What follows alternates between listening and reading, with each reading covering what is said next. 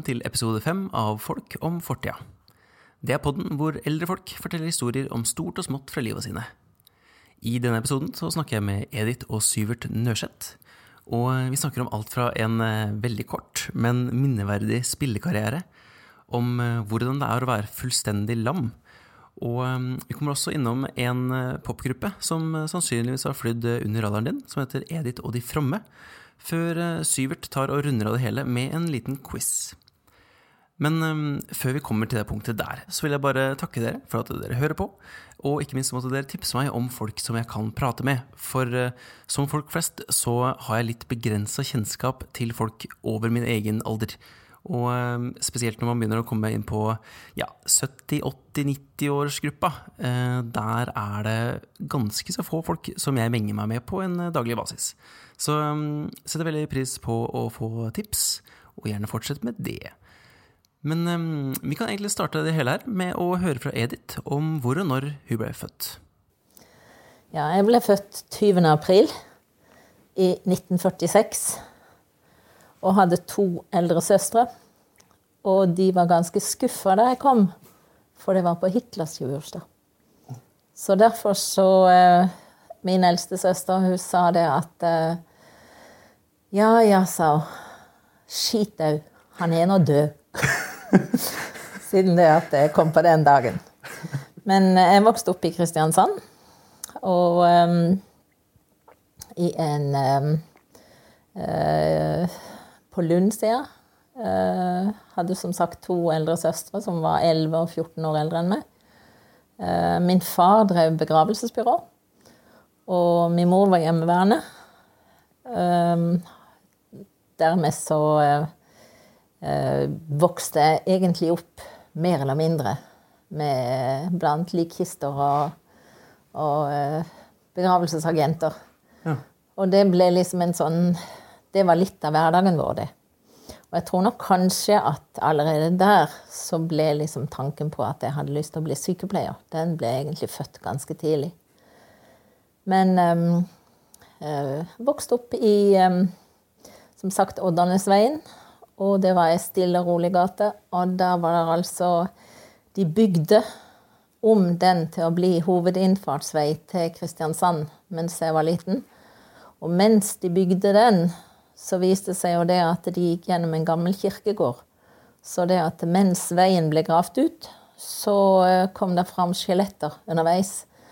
Og ungene i gata, de fant en gammel barnevogn og gikk rundt og kjørte på skjeletter som hadde ligget altså Ja, som kom fram under veibygginga. Ja. ja. Som man gjør. ja. ja. det var mye død oppi det hele. Nei. Um, ellers så hadde jeg vel egentlig en veldig trygg og god oppvekst. Uh, vi hadde, Min far overtok sitt barndomshjem på Flekkerøy. Så hver sommer så var vi på Flekkerøy og bodde der hele sommeren, på gården der. Og han eh, pendla fram og tilbake til byen på jobb. Og um, uh, Det var vel egentlig ikke noe sånn eh, trist som skjedde. Jeg hadde besteforeldre, for jeg var den yngste av oss tre. Så jeg hadde bestemor på begge sider til jeg var en fem-seks år. Men så døde de. Og um, bestefedre har jeg aldri sett, for de var borte før min tid. Men bare det å kunne vokse opp på, både i byen og på Flekkerøya, det var egentlig veldig positivt. Ellers så um, var det sånn at uh, min søster uh, da jeg var ti år og flytta til Amerika. Så da jeg var elleve, så reiste vi til Amerika og var der i tre måneder. Eh, samtidig som hun fikk sitt første barn. Yes. Og da Da var uh, Da fikk vi også besøke veldig mange av min fars familie. For han hadde seks søsken som emigrerte til Amerika. Så vi hadde en skokk med, med familie derover. Seks søsken, da? Mm. Ja. Eller så gikk jeg på barneskolen på Lovisenlund. Jeg gikk på uh, eller ungdomsskolen, eller det vil si eh, realskolen. Og fordi jeg var så bestemt på å ta sykepleien, så var jeg bestemt på det at jeg skulle ta realskolen. Og så skulle jeg gå på folkehøyskole. Og så skulle jeg gå på husmorskole. Men da, den sommeren som jeg hadde tenkt å gå på folkehøyskole, så kom min svoger hjem fra Amerika med sin eldste sønn. Og så sier han det at eh, da var jeg 17.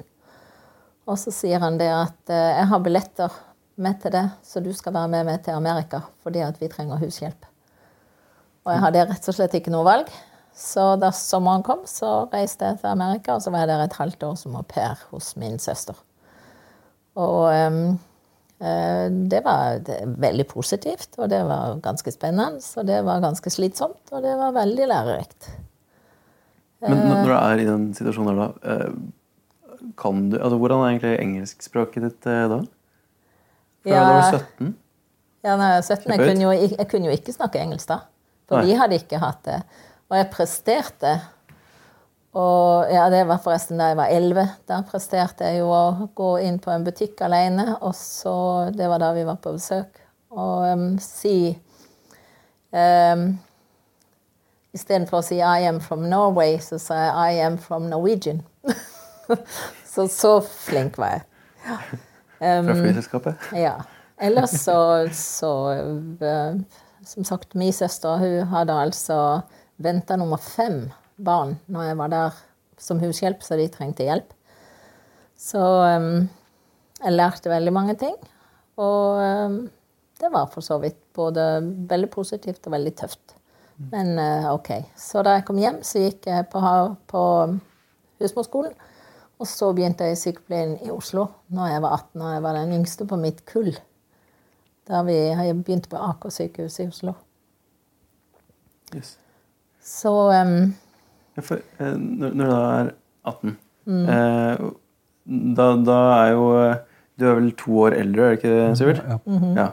Så da, er det jo, da har jo du levd en god del eh, på, på Lista, er det ikke det? Ja. ja. ja. Men, eh, kan du fortelle litt eh, om sånn, hvilken dato du ble født, og eh, hvordan oppveksten din var? Jeg ble født 8. september 1944. Og vi var fire gutter i familien. Jeg var nummer tre. Og så var det to jenter som kom etterpå. Min far han var sjømann, kaptein i utenriksfart. Og han hadde alltid ønsket seg jente. Og når fire gutter kom, så ga han seg ikke. Så fikk han en jente til, og så kom det en til. Og så kom det store sjokket. For han var på sjøen, så fikk han plutselig til, telegraf fra Lista. Og så måtte skynde seg hjem fordi mora, mora var gravid med tvillinger. Hun var 56 år. Ja vel, ja. Men det ble heldigvis abort, da. Ja, vi mista de. Ja. Så eh, som sagt, jeg vokste opp på Lista og gikk min barneskole der, på, på høgskole. Og uh, jeg har jo mange forskjellige minner derifra. Blant ett som jeg har fortalt tidligere flere steder, at en gang så hadde vi presten på besøk i eh, skolen da. Da skulle vi huske bibelvers. Et bibelvers vi skulle huske, det er det bibelverset 'tro på Gud og tro på meg'. Så han som satt foran meg, han skulle da huske dette bibelverset. Han var helt blank, han husker det ikke. Så begynte han seg til meg 'Husker du det?' Så sa 'Ja, jeg husker det. Tro på Gud og tro på meg', sa jeg. Ja vel. Så jeg ber om dette bibelverset og sa tro på Gud og tro på Syvert. det, det, var det var den skoletida. Ja. Og på lista det blåste det nordvest hele tida. Og vi sykla til skolen. Eller gikk, da. Og uh, jeg var en Skal vi si en, uh, en som gikk jo som alle andre av søsknene mine. Jeg satt ofte inne og leste, studerte matematikk. da. Og mine brødre vil helst ha meg ut til å leke. Så jeg har ikke tid til det. Jeg interesserer meg ikke. Jeg vil helst studere matematikken. Så, vi, så begynte jeg på skulle begynne på gymnaset i Farsund i 19... Er det for noe? Never mind. Et eller annet. Og der begynte jeg på, skulle begynne på gymnaset. Men så følte jeg meg ikke moden nok for å gå på gymnaset. Så tok jeg ett år på Framhaldsskolen midlertidig for å modnes litt, tenkte jeg. Og kom inn på gymnaset og gjorde det bra der. Spesielt i matematikk, da. Og jeg studerte i Farsund i tre år, som jeg skulle. Og så kom jeg, skulle jeg gjøre efter på det. Det som jeg sa tidligere, jeg hadde tre valg i mitt hode. Det var enten å studere matematikk, eller å studere økonomi, eller meteorologi. Selv om min bestemor hadde det klare synet at jeg skulle studere til prest.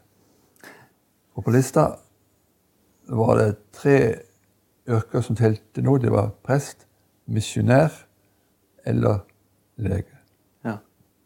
Ja. Ja, for, eh, det er egentlig veldig interessant å høre om. For altså, hvis du ser på, mm, en, på en samfunnsbasis, så er det som regel noen yrker som kanskje skiller seg ut, som man, man vokser opp med. Sånn, det her er valga dine. Eh, og etter hvert som du blir litt eldre, så hører du om noen flere yrker. Ja. Eh, og etter hvert som du blir enda eldre, så hører du om mange. Ja. Eh, så på personlig så det, det som interesserte meg, var liksom designyrket. Men det, det, jeg fant, visste ikke at det fantes før jeg var sånn rundt 17. Nei, Så, og da både ha de interessene som man har, da, fram til det punktet, så på det passer man ikke inn i noen spesifikke roller. Men for, for deres del, altså det virka som dere var ganske tydelige på det.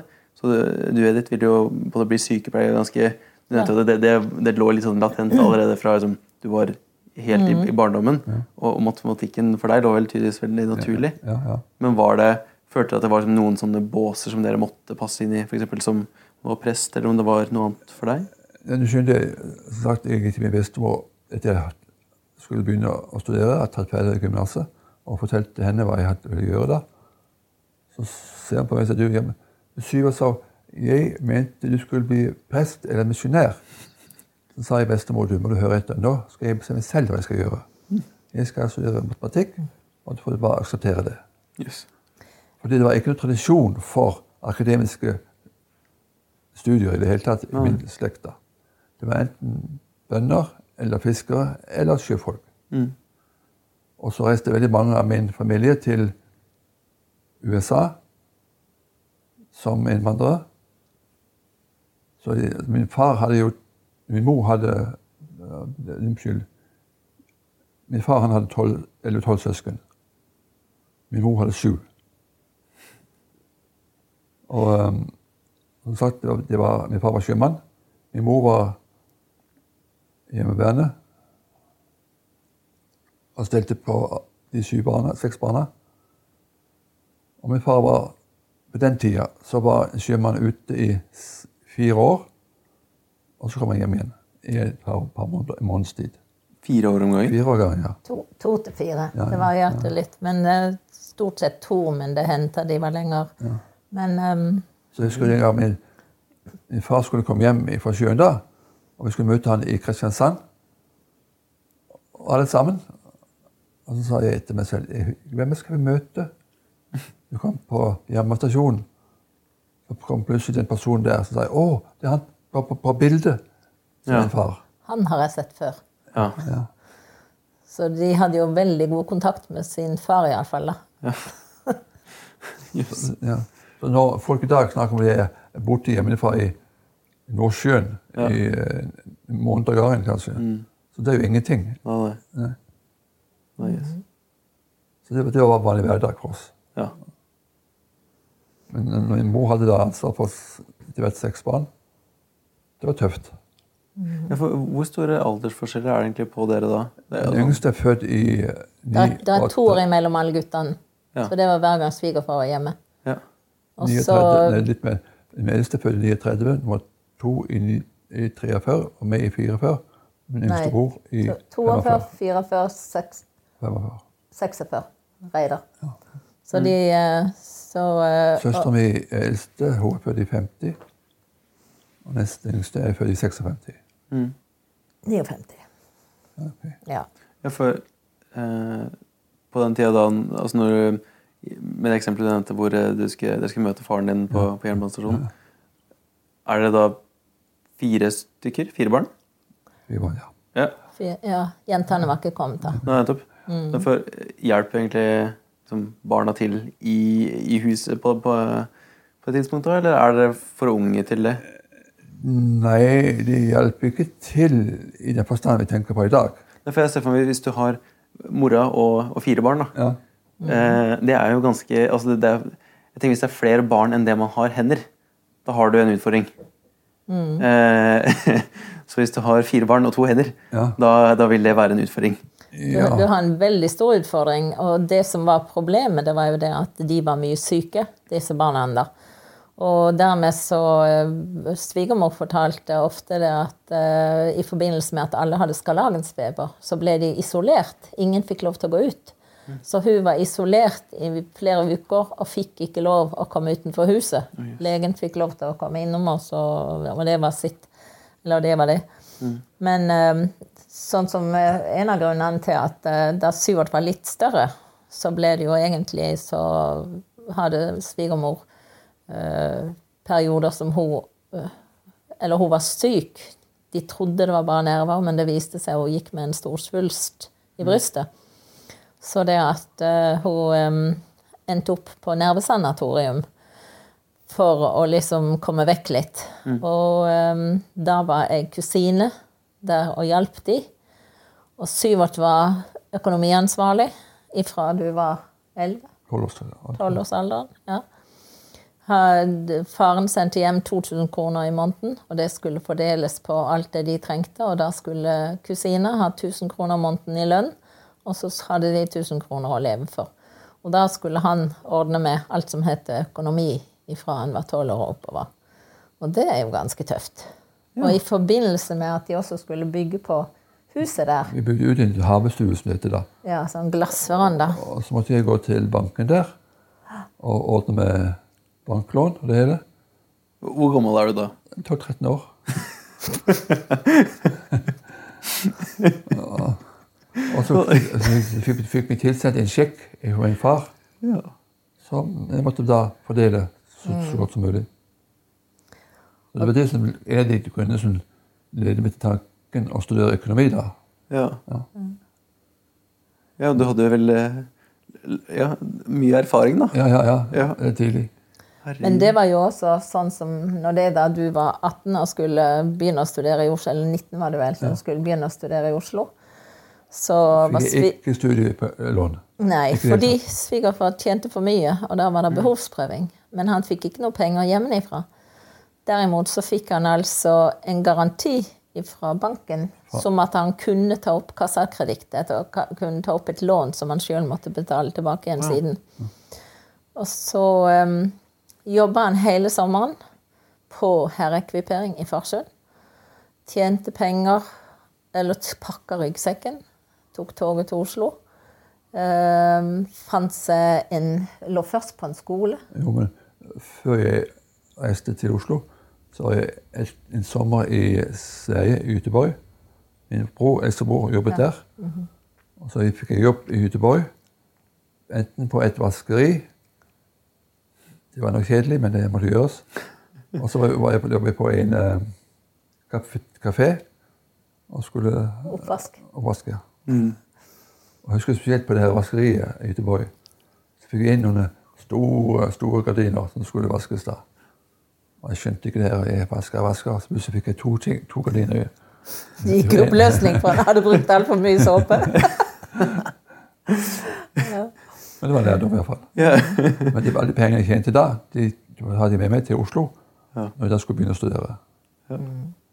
Og da hadde han så mye penger at han eh, hadde råd til å altså betale ei husleie på rett over 100 kroner.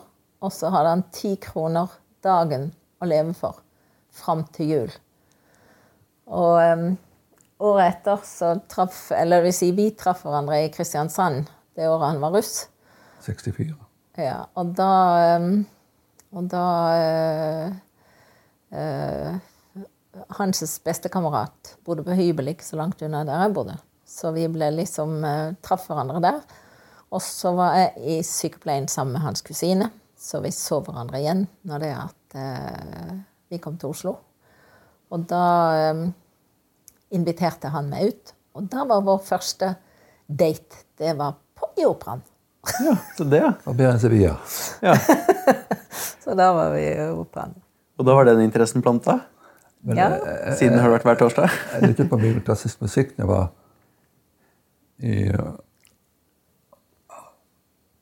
50-15-årsalderen. Ja. Det fant hjemme. Og mine brødre skjønte ikke hvor jeg skulle høre på sånn tull musikk. Men en annen ting var også det at uh, i den tida som det at han hadde ti kroner dagen å leve for, så var det altså et kneippbrød, og så var det brunost. Men når jeg kom på besøk, så bevilga han oss en boks med makrell i tomat. Fant plass i budsjettet, eller? Ja, ja, ja. så det var egentlig Så det var luksusen. Ja. Vi levde da. Ja, da Vi visste jeg eksisterte det. Ja. Men altså, når du får um, på det ansvaret for familieøkonomien når du er 11-12 år eh, altså, Jeg forstår ikke helt hvordan man um, Hvor man starter. Eller altså, jeg forstår ikke helt hvordan man uh, faktisk skal ehm, ta stilling til det. For altså, det, det, det virker så fjernt i forhold til sånn som ja, det men kan var være den naturlig. oppgaven jeg fikk da. Ja. Min mor kunne ikke.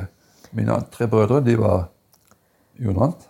Altså, Den eldste broren han var mest interessert i biler. Så det at, eh, Og flytta for så vidt hjemmefra ganske tidlig. Bror nummer to dro til sjøs da han var 14-15. Ja, ja, ja. Og så var det han, og så den yngste broren. Han var ute og lekte. Så det var ikke noe flere. Nei. Nei. Min far hadde bestilt den havestua som skulle bygges da. Mm. Jeg måtte kontakte de som skulle kontaktes da. Ja. For det var hans idé, men eh, dere som måtte stå for utførelsen? utførelsen? Ja, ja, ja. Ja. Ja, du hadde jo arbeidsfolk som Jo, gjorde det, men det de skulle betale betales, og de skulle Klart. ordnes av det hele. Så det at um, Men du må også fortelle om det, det var jo ganske mye kristent arbeid der, og du var aktiv i både ungdomsforeninger og sånn forskjellig. Og han var av og til ansvarlig for å finne på underholdning på uh, Det er riktig, for en gang så hadde jeg et møte i foreningen, ungdomsforeningen.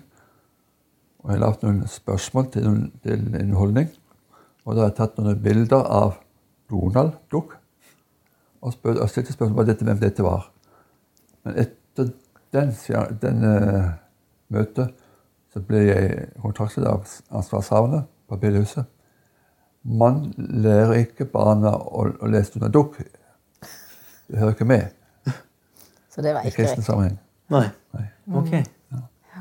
Men det var ikke innafor med Donald. Nei. Yes. Ja. Men stoppa du der, eller tok, du det videre? Nei, jeg Det var, ikke, det var kanskje ikke så viktig for Jo, deg? men eh, Nei da. du kunne tippet at jeg ikke hadde noe med kristendom å gjøre i det hele tatt. Ja. Men jeg tok det bare som et uttrykk for en holdning som var på hjemmestedet mitt. den var ganske mm, Konservativ. veldig konservativ. Ja. Ja.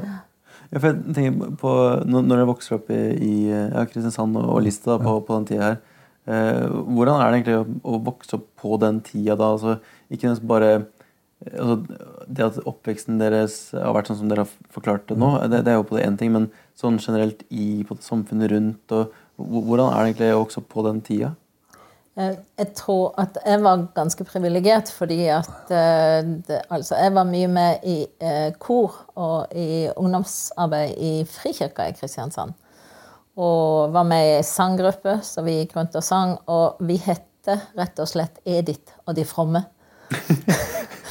vi, var fem jenter som sang på fengsler og på gamlehjem rundt omkring. Og, eh, men det var navnet vårt, og vi hadde røde strømper og røde lisseluer hele vinteren. Så det var liksom uniformen vår.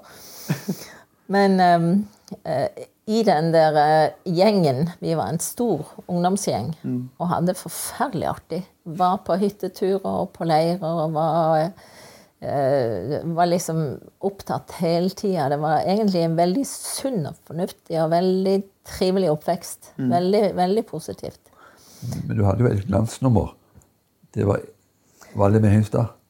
Ja, nei, det var, ja, det var Jeg hadde ei søster som jobba på et kontor der det var sammen med ei som sang stev fra, Setesdal. Så jeg lærte meg jo dette stevet også, så jeg sang på skolene, da. Ja. Dette her stevet. Når de hadde et sånt litt offentlig sånn besøk. Yes. Festlig. Mm. Men, ehm, men jeg tenkte også på det at eh, det, du snakker om Jeg var jo født rett etter krigen. Men eh, jeg husker at vi eh, fremdeles hadde både eh, rasjoneringskort Vi hadde måttet klippe sånne små firkanter når det vi skulle ut og handle.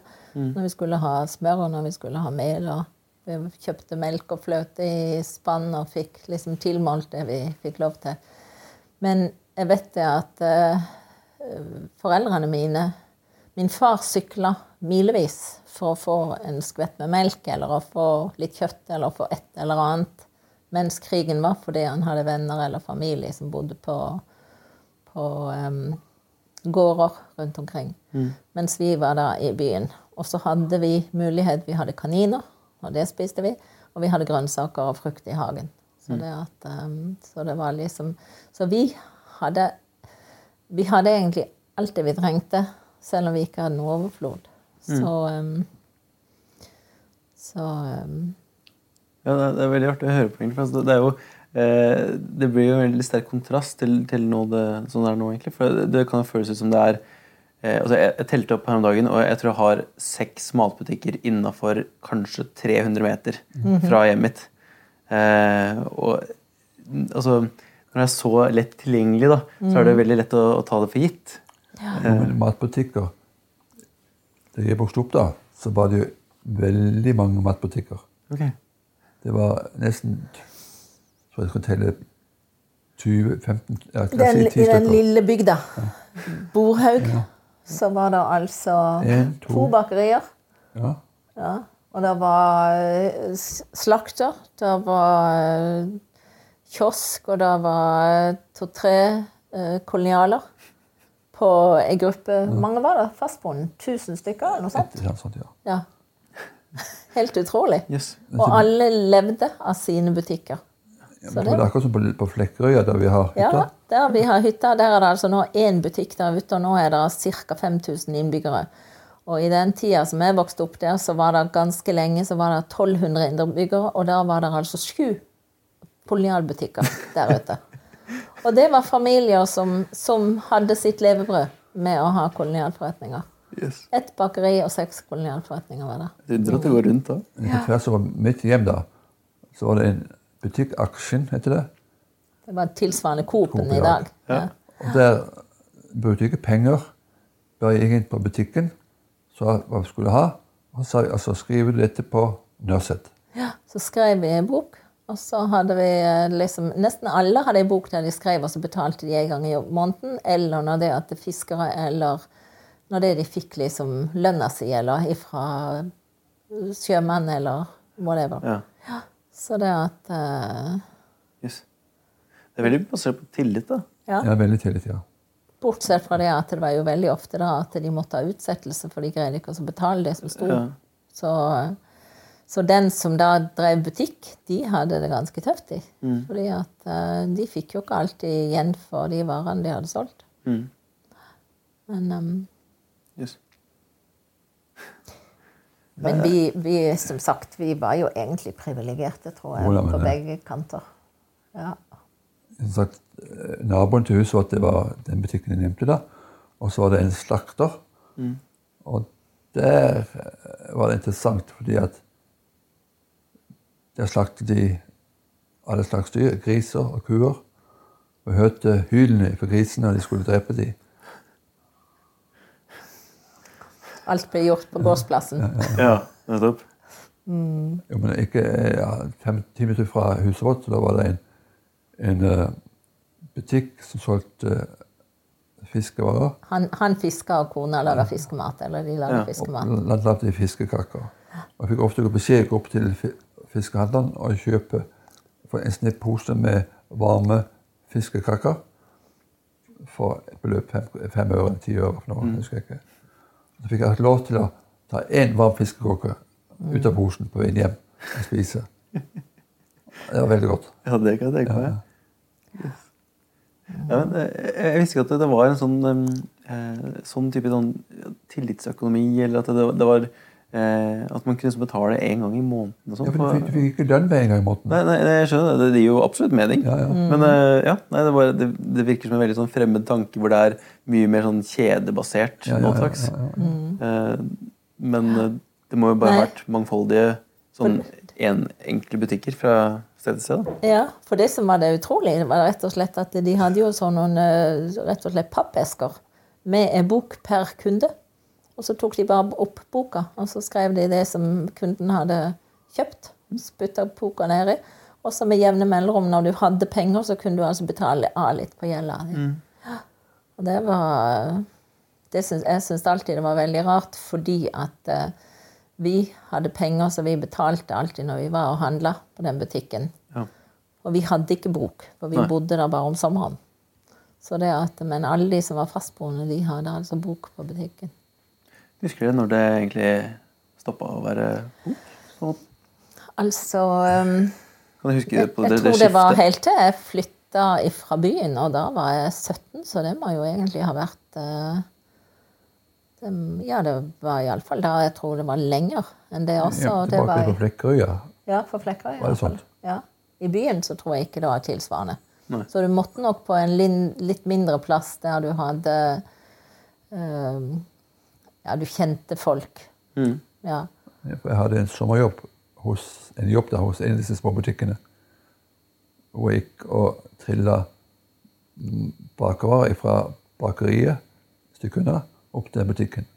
I, kø, i en trillevogn. da. Hvor mye jeg fikk, husker jeg ikke. Jeg fikk kanskje noe gratis brød. husker jeg heller ikke. Ja. Det var en jobb jeg hadde. Ja, for, eh, jeg trenger ikke å utforske det så altfor mye, men bare eh, hva, hva slags sånn jobber er det dere egentlig har hatt opp gjennom tidene? For altså, Du nevnte at du hadde vært litt i Sverige og sånn. og Jo, men var Før jeg begynte i Sverige, Det var sommerjobber først og fremst. Ja, ja. Da jobbet jeg en stund på for å forholde første nevnte det her til eh, matvarer. Det var før jeg begynte å studere. Og så fikk jeg en jobb på rutebilsentral med å være med og lange varer en sommer. Og så, før jeg begynte å studere, så jobbet jeg i en klesforretning i byen Farsund. Og der var de veldig fornøyd, fordi jeg kunne nå opp til alle varene. Han var så lang så han rakk opp i øverste hylle, han. Ja, men det var en spesiell forretning også da. Ja. Eieren var litt spesiell da, så jeg, Mm. tror ikke jeg skal si mer. Nei. Han var hyggelig også. Ja. Hva, hva med deg, Edith? Nei, altså, jeg jobba på gartneri. Det var det første. og Plukka tomater. Og så hadde jeg to somre som jeg jobba på sengesentralen på sykehuset og lærte å reie senger. Og det var jo en veldig fin eh, opptakt til å gå videre på, på, i sykepleien. da. Så det jeg kunne til og med reie senger før jeg begynte i sykepleien. Ja, for det, det er jo en egen kunst med det. Det Ja, har jeg skjønt. Det er absolutt en kunst. Ja, og det, det er jo et helsikes tempo. Ja, ja da. Men Og- Og så hadde jeg det halvåret som jeg var i Amerika da, og jobba for min søster. Ja, men det er akkurat som du er i militæret, så lærer du å, reie opp sengen Ja. din. Og siden da så reier du ikke sengen opp, fordi det er så kjedelig. ja.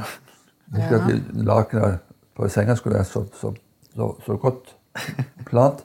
Du kunne ta en fem, en femøre og kaste bort på pleddet, og fem skulle bombe på nytt. ja. Jeg vet ikke helt hvor mange som holder den standarden der nå til daglig.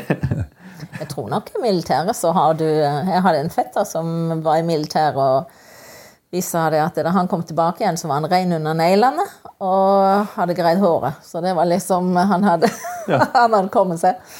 Mm. Så det plutselig så var han Hvis jeg tenker tilbake på åssen vi hadde det i min ungdom da, med det religiøse miljøet på mitt lista Hver jul så var det juletrefest. Og da når det var juletrefest, så synger du julesanger i kor sammen. Men da gikk vi rundt juletreet i arm to og to. Og så satt de gamle damene rundt juletreet på De satt benkene. langs veggen på stoler. Og, og, og, og, og kommenterte de jaha, nå har han følge med henne. Ja, at, Da skulle de se hvem som guttene hadde funnet ut at de skulle gå rundt og leie. Så første gang jeg var på lista der, og vi var på juletrefest, så alle sammen Oi, nå har han funnet en. Nå har han funnet en. Oi, ja vel. Så de satt der, og så var det altså Da, da, var, da visste hele lista etterpå det at Syvert hadde med seg ei jente fra Kristiansand. Ok. Jøss. Mm. Yes. det var sånn. Liksom noe sladresentral. Ja, det var virkelig sladresentral. Du skulle eh, leie ei jente arm i arm rundt juletreet. Ja. Ikke- Og så var det jo veldig artig, det der, for da kunne du plukke ut hun som du likte best. da, ikke sant? Hvis du ikke hadde noen med det. Men gikk det der egentlig begge veier? Altså kunne liksom eh, eh, Altså Jeg antar eh, at jeg egentlig veit svaret på det her, men eh, det virker som det var liksom alltid mannen som på en måte måtte, måtte velge ut sånn Det her er hun jeg liker best. Nei. Hvordan var det? Altså, eh, for eksempel, eller Jeg stilte du opp? det var gutten Guttene som skulle som skulle Ja. velge? Ja, ja. Hvis jeg Ok. husker rett, iallfall. Ja, ja.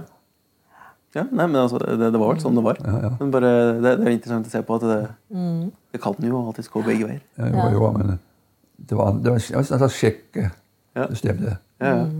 Men stilte man opp egentlig hvis man ikke hadde noen man ville leie? Nei, men da ble du ensom, da. Da var det, gikk du alene, eller så tok du ei jente med deg. Ok, Men ja. Ja, for møtte man opp på juletrefesten da Ja, og gikk alene? Ja, da, de aller fleste gjorde det. Til Hanses brødre. Det er akkurat samme situasjonen igjen. De, de var på juletrefest i fjor. Ja. To av brødrene hans på bedehus på Lista. De har fremdeles samme tradisjon, men jeg vet ikke om det sitter så mange rundt kantene lenger. Men det andre morsomt som jeg bare husker, det, for det, det var veldig mange bedehus på lista. Ja. Og så gikk du rundt fra bedehus til bedehus med julefest ja. og fikk eh, servering. Det var julekaker og kaffe og kaker. Så ikke, det var ikke, var det ikke én juletrefest? nei, det var Å mange. nei Ja, ja, ja. det var mange, og du gikk fra den ene til den andre fordi at du skulle ha med deg maten. Og det jeg husker vi fikk på liksom, julefesten, det var julekaker med sukkat oppi. Okay. Det likte de fleste ikke. Jeg, jeg måtte plukke det ut, for jeg likte det ikke. Ja. Dette var, Ja, det hadde vært å høre åssen det har vært tidligere. ja. Men eh, bare bare for å hoppe litt, for altså, på, på den tida her er det vel rundt Var det 18 omtrent? Det var i ja, altså det var i, fra 64. Da, da flytta vi til Oslo. Eller da begynte vi å studere begge to. Jeg får bare hoppe litt tilbake, for Du nevnte det at du hadde vært i, i USA Ja. Mm. eh, som au pair. var det det? Ja. Men for det første, eh, hvordan kom du til USA? Var, var det Men nei, vi fløy. Det fløy, ja? Ja. Ja. Både da jeg var 11 og, og da jeg var 17, så fløy vi til USA. Ja, Ja, men fløy via Island. ja. Og Labrador. Ja. Mm. Ja, for, hvor lang er den reisa da, egentlig? Åh, den var lang. Den var altså ehm, Nei, altså, det vet jeg egentlig ikke hvor lang, men jeg vet bare det at vi hadde noen timer på, i Røykjavik. Og nok tid til å gå og kjøpe suvenirer. Så jeg husker at det jeg kjøpte, det var et sånt armbånd som var laga av mm, altså islandske penger. Og så stoppa vi på Newfoundland på, i Gander. Og da eh, Der husker jeg at jeg kjøpte en kniv med kanadisk eh, sånn løvblad på, eller sånn eh, eh, Lønneblad? på. Ja. Og så var det til mm, New York. Og da jeg vet ikke om det var LaGuardia, eller om det var Newark, Newark Airport, kanskje. Og så da var, det var, da var jeg jo sammen med min svoger da jeg var 17.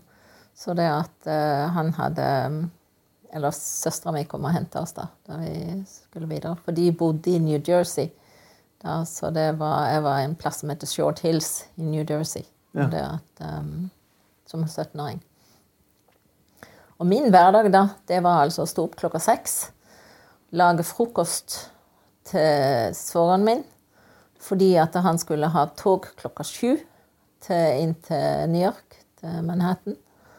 Og så um, Og da skulle han enten ha pannekaker, stekt egg, eggerøre, eller Ja, det var én ting til. Så jeg hadde fire alternativer. Som jeg også bodde på en hybel som lå over garasjen. Og det var min jobb å stryke klær.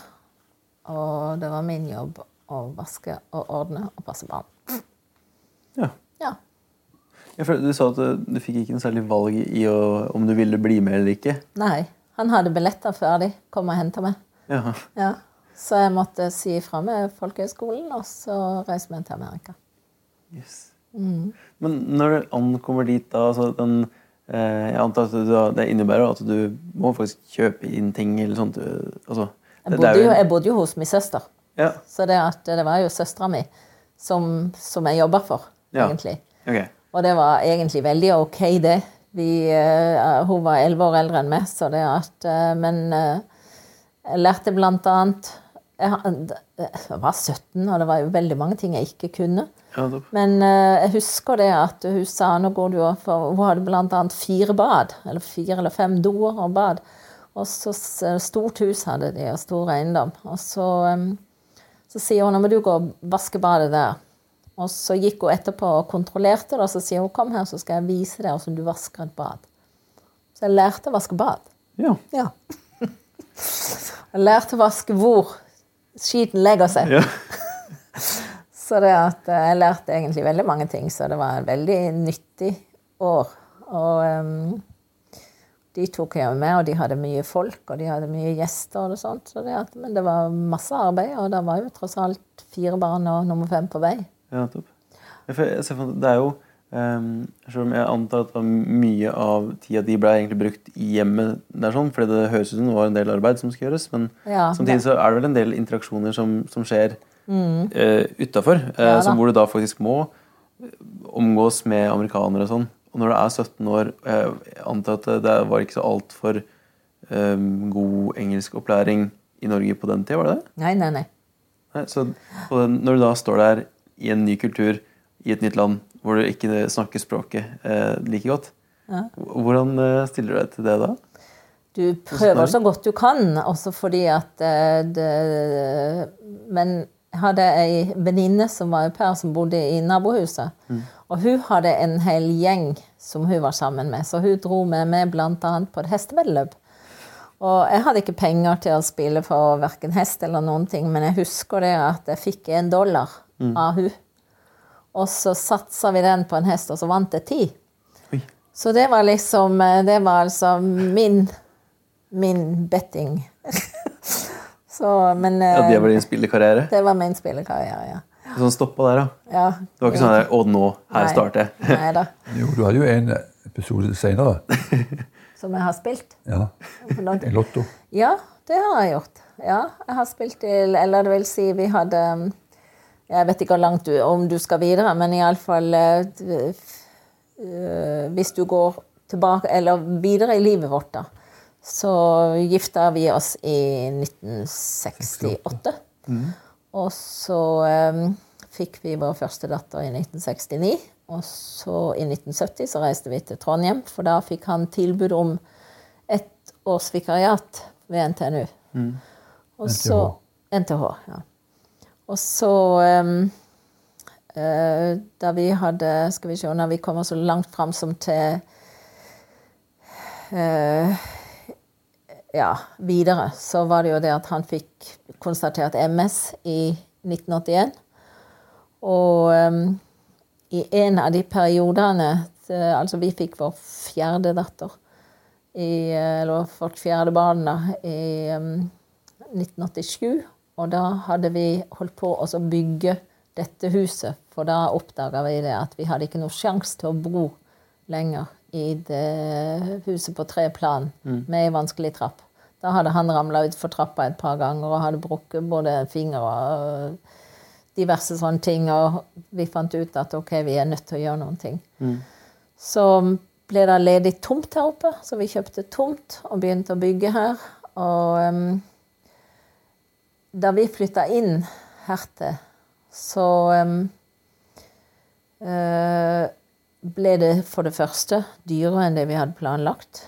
Det var, renta var på 14% på lån.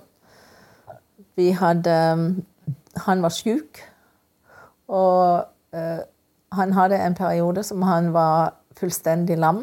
Og eh, Og ja. Og da var jeg gravid med nummer fem. med nummer fire, mener jeg. Ikke nummer fem. Og da eh, hadde vi en periode som var ganske tøff.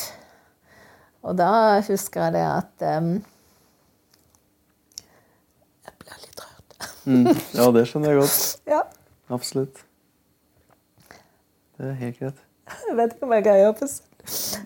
Jeg beklager. Nei, det går helt fint. Det går helt fint. Vil, vil du fortsette? Vil du kanskje plukke opp tråden, eh, Ja, Sivert? Du kan kanskje plukke opp tråden, du, hvis du nei, men i hvert fall så hadde hun lest litt i Bibelen, da. Og så ble det forskjellige vers der, og så plutselig sa stemmen til henne du skal, Hvorfor tar du ikke de versene du har lest nå? Jeg hadde aldri spilt lotto før. Og jeg hadde aldri holdt på med det. Så det at, eh, men jeg hadde eh, jeg hadde rett og slett Jeg fikk så mange fine vers i Bibelen. Mm. Og så sa han stemmer til deg. Du må notere ned de versene på en notekupong. Så gjorde det. så gjorde jeg det. Bortsett fra ett vers du skulle ikke tok med deg. Nei, jeg hadde, jeg hadde et tall for mye. Så det var liksom, så jeg måtte velge mellom to tall. Så skrev jeg ned de, og så eh, Og da Vi hadde det veldig trangt økonomisk. Vi hadde ikke penger igjen av det at det liksom eh, Og Syvert han våkna om nettene, og han og han eh, var engstelig. Han sa dette går ikke, vi må bare se og kvitte oss med dette her. Og han var sjuk og alt mulig. Og så Å, beklager. Ja, det går helt fint. Ja. Du Ja, sendte iallfall en en den mm. med de tallene du hadde fått. Så vant jeg 12 500 kroner. Det tilsvarte dagens lottosystem. Ja. Seks pluss én. Ja, jeg hadde seks pluss én, riktig. Og så, og så eh, Med det resultatet at vi fant ut at eh, OK, det er noen som passer på oss. ja. Yes. Nei, det, må, det, det hjelper jo virkelig. Ja, hadde du tatt alle de tallene du hadde fått, så hadde du fått full pott. Ja. Ja, men det skulle vi ikke ha. Men iallfall så var det sånn at da brukte vi 2500 kroner. Så satte vi 10 000 kroner inn på ei bok. Og det tok ti år før vi brukte de 10 000 kronene. Så vi hadde de som en sånn en buffer. ja. Nei, jeg kan uh, se for meg at man, eh, Hvis man ikke var religiøs før det punktet der, så kan man iallfall bli det da.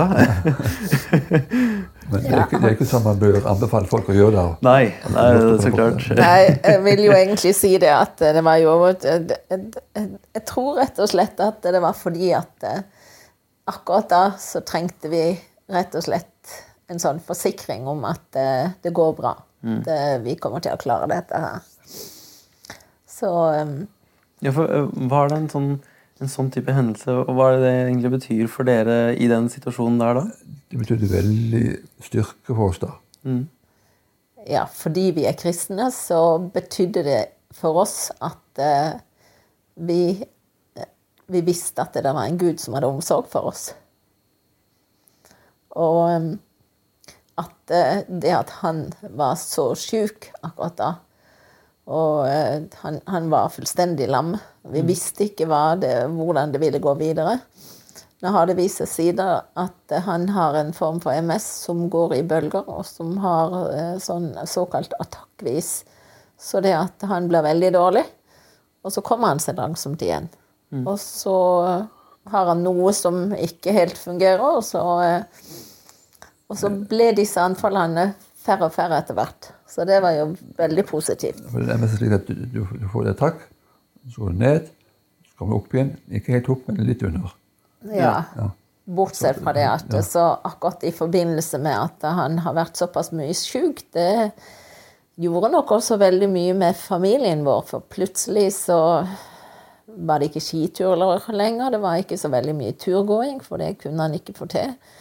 Eh, Men vi har vært veldig mye i utlandet. Så det at fordi at eh, Han hadde ett år som det at eh, vi ikke reiste utenlands, for da var han så dårlig at da brukte han rett og slett det året for å komme seg igjen. Mens um, ellers så har det jo vært at vi har strippa hus, og vi har strippa leiligheter, og vi har reist til utlandet, og vi har vært og bodd i bl.a. to år i Skottland. Da tok han uh, uh, doktorgraden sin. Og så har vi bodd et år i Canada. Og så har vi bodd Og da var han syk, ble syk underveis. Og Eh, var ikke fullstendig lam, men det var sånn at jeg kjørte han og frakta han og fulgte og bruk, hadde brukt han et stokk når det var, hvis han måtte gå alene. Og så vi, har vi hatt to år i Cambridge, som vi har bodd sånn med sju års mellomrom. Og da har jo Silje vært med begge ganger. Så um, Og så har vi hatt et halvt år i Sveits, som vi har vært. Så, det at, uh, så vi har jo egentlig reist mye på tross av det at han var sjuk, og på tross av Ja, det må jeg si. Jeg husker et år så, mens jeg jobbet på NTH, så skulle jeg en tur på en konferanse i Albuquerque i USA. Og det ene gangen jeg reiste på første klasse, for det fikk jeg lov til. Fordi at hvis jeg ble syk, så kunne jeg reise på businessklasse. Og faktum var at jeg ble syk mens jeg var i Albuquerque. han kjente, han kjente at han begynte å bli sjuk. Ja. Og greide å få et fly to dager før du skulle egentlig reise hjem. Ja, ja, ja. Fikk endra. Og greide å komme seg ut av drosja akkurat inn. Og så var han lam. Så kom han Ok. Så, men ehm, Ok, her er det litt sånn manglende medisinkunnskap fra, fra min side. Kan man bli eh, lam sånn eh, Kan man få sånn anfall av lamhet så Ja. fort? ja, ja, Ja, ja. han fikk det i løpet av noen dager. Det, Så det at det var to, eh, to forskjellige typer MS. Jeg har den normale, holdt jeg på å si. Den som går gradvis nedover. Til slutt ender du i rullestol. Ja. Men jeg får den attakkvis, og sånn, og ned, og så opp igjen. Så han har jo vært fullstendig Altså helt handikappa, vært i rullestol og eh, ikke kunnet nesten røre noen ting. Måtte mate, så måtte hjelpes med alt mulig. Så det at um, um, har jo vært på MS den, i 36 år nå, ja. og frisk som Ja, du er friskere enn de fleste ja, med. MS nå, fordi at uh, det har liksom uh, Det har på en eller annen måte stabilisert seg eller blitt mye mindre etter hvert. Selv om man har en del seinskader som gjør at han har en del problemer Mm. på grunn av på MS-legen min på sykehuset, som jeg var hos henne, så sa hun du, jeg har lyst til å si følgende til deg.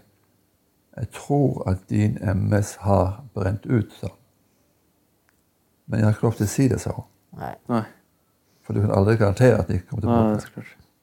Men han, han går dårlig, og han har eh, problemer med forskjellige ting og sånt. Men altså allikevel, han sitter fremdeles ikke i rullestol. Og det er jo godt gjort. Var jeg på det her rehab-senteret på Ytterøya ja. for to uker siden. Og for MS-pasienter annet, og Parkinson-pasienter. Og vi møter personer som kan hjelpe deg med å bli bedre med hverdagen. Det Og da jeg ble syk, da. På denne albuen, da. Men det er greit nok. Men jeg har klart meg tross MS i 36 år. Nei, det er Det kunne vært mye bedre, sier jeg. Herregud. Ja, det er sterkt. Men altså, når du har for Når du sier at det, det, går, eh, altså, det går en linje, og så går det eh, rett ned Ja. altså, når, når du sier ned, da er det lam? Det er nesten Ja, altså, han, det, det varierer veldig. Det kan være at han er lam i ei side, f.eks. Mister okay. følelsen i en fot og i arm. At han uh, blir veldig svimmel. Han har hatt, eh, Vi var på vinterferie på Oppdal. Bodde oppe i lia der sammen med en dansk familie. Oppe i, eh, og og eh, da fikk han en sånn rett og slett et attakk på huet. Så det at alt gikk rundt og måtte hentes i ambulanse og havna på sykehuset i Trondheim. Hele familien etterpå i bil, og vinterferien er avlyst og det hele. Og da ehm, Da var han Eller han kunne jo ikke gjøre noen ting sjøl. Og da var jeg så sint når jeg kom der, fordi at eh, da ble han ikke tatt godt vare på. Da lå han på eh, øre-nese-hals-avdelinga. De eh, hadde ikke vaska han. Han var full av spy, og han var full av alt mulig fordi at eh, han hadde fått en sånn labyrintitt, eller sånn betennelse på balanseorganet i forbindelse med MS-en. Og da, eh, da jeg kom der til, så fikk jeg nå stelt han og alt mulig sånt dagen etter. Og uh, kjefta på disse her. Men da fant de ut at um, siden han hadde MS, så var det ingenting de kunne gjøre for han, så da sendte de han hjem. var bare så vidt jeg fikk han hjem i en rullestol. Han uh, segna om i korridoren. Ingen hjalp på noen ting sånn. Jeg var så irritert. At, Så, så da var jeg sur. Ja, da var jeg ikke noe glad i helsevesenet. Nei, nei, det har vel sine oppturer og nedturer. Det, det Ja da. er veldig, veldig Ja, da. Så det avhengig av hvem man møter på. Og så er det det at hvis du egentlig har en, en, eh, en eh, kronisk sykdom, så er det liksom OK, det gjør vi ikke noen ting med, og så da må du i grunnen klare deg sjøl.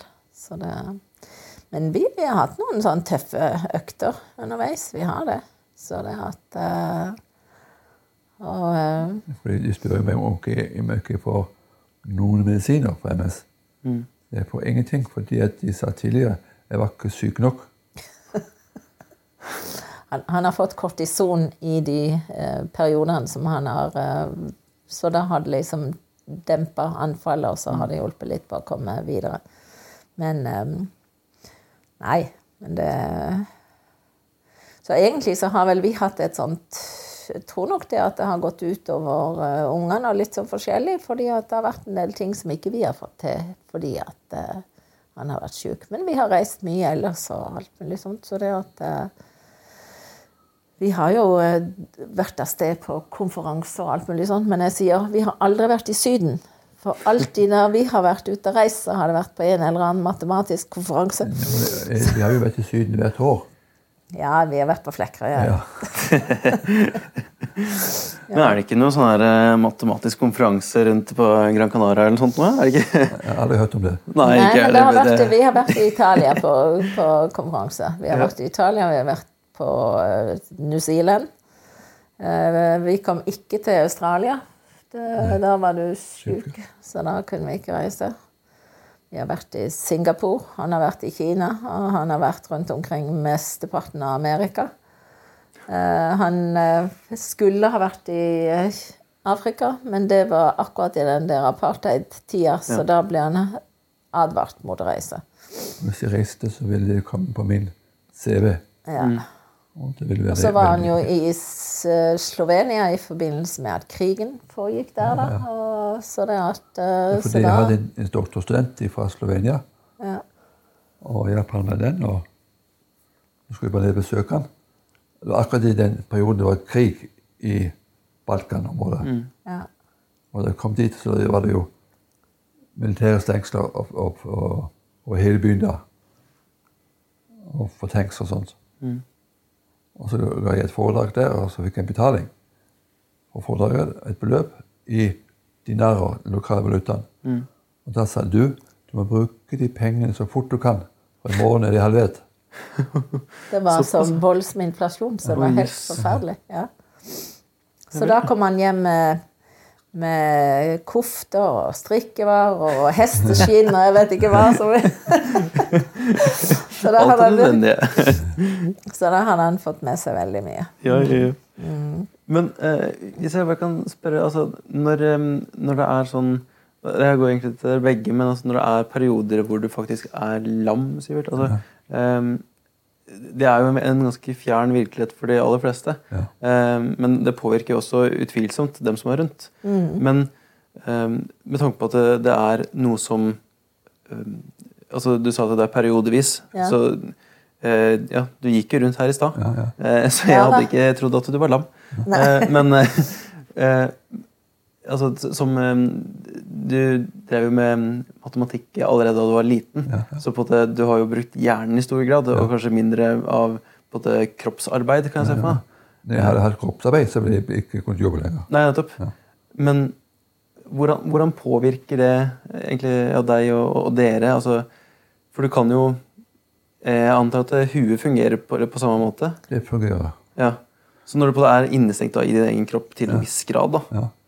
Hva, altså, tenker du at det her skal gå over, eller tenker du at det Altså, det, det kan også påvirke intellektet i en liten grad.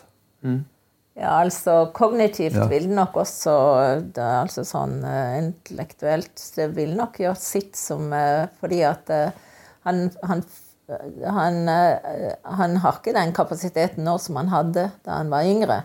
For han har skrevet egentlig eh, lærebøker i, i matematikk, og han har veldig mange treff på artikler og bøker og sånt på nettet. Hvis du går inn der, så Du har vel vært den som har hatt flest treff link, på, LinkedIn heter det. på Og der får jeg ofte beskjed no, You are the most cited person this week. Ja. Ja. Det er det ikke alle som kan skryte av.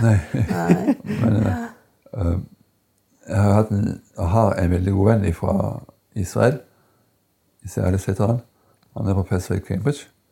Og vi har jobbet veldig mye sammen og beskrevet uh, 40 artikler sammen. Vi har jobbet veldig godt sammen. Men de, de, har, de har hatt en fantastisk eh, Blant annet De har jo vært ved akkurat samme instituttet som han Hawkins. Så, det at, eh, så han hadde kontor i samme bygningen som de var i. Så det var ja, det var han som døde her i går.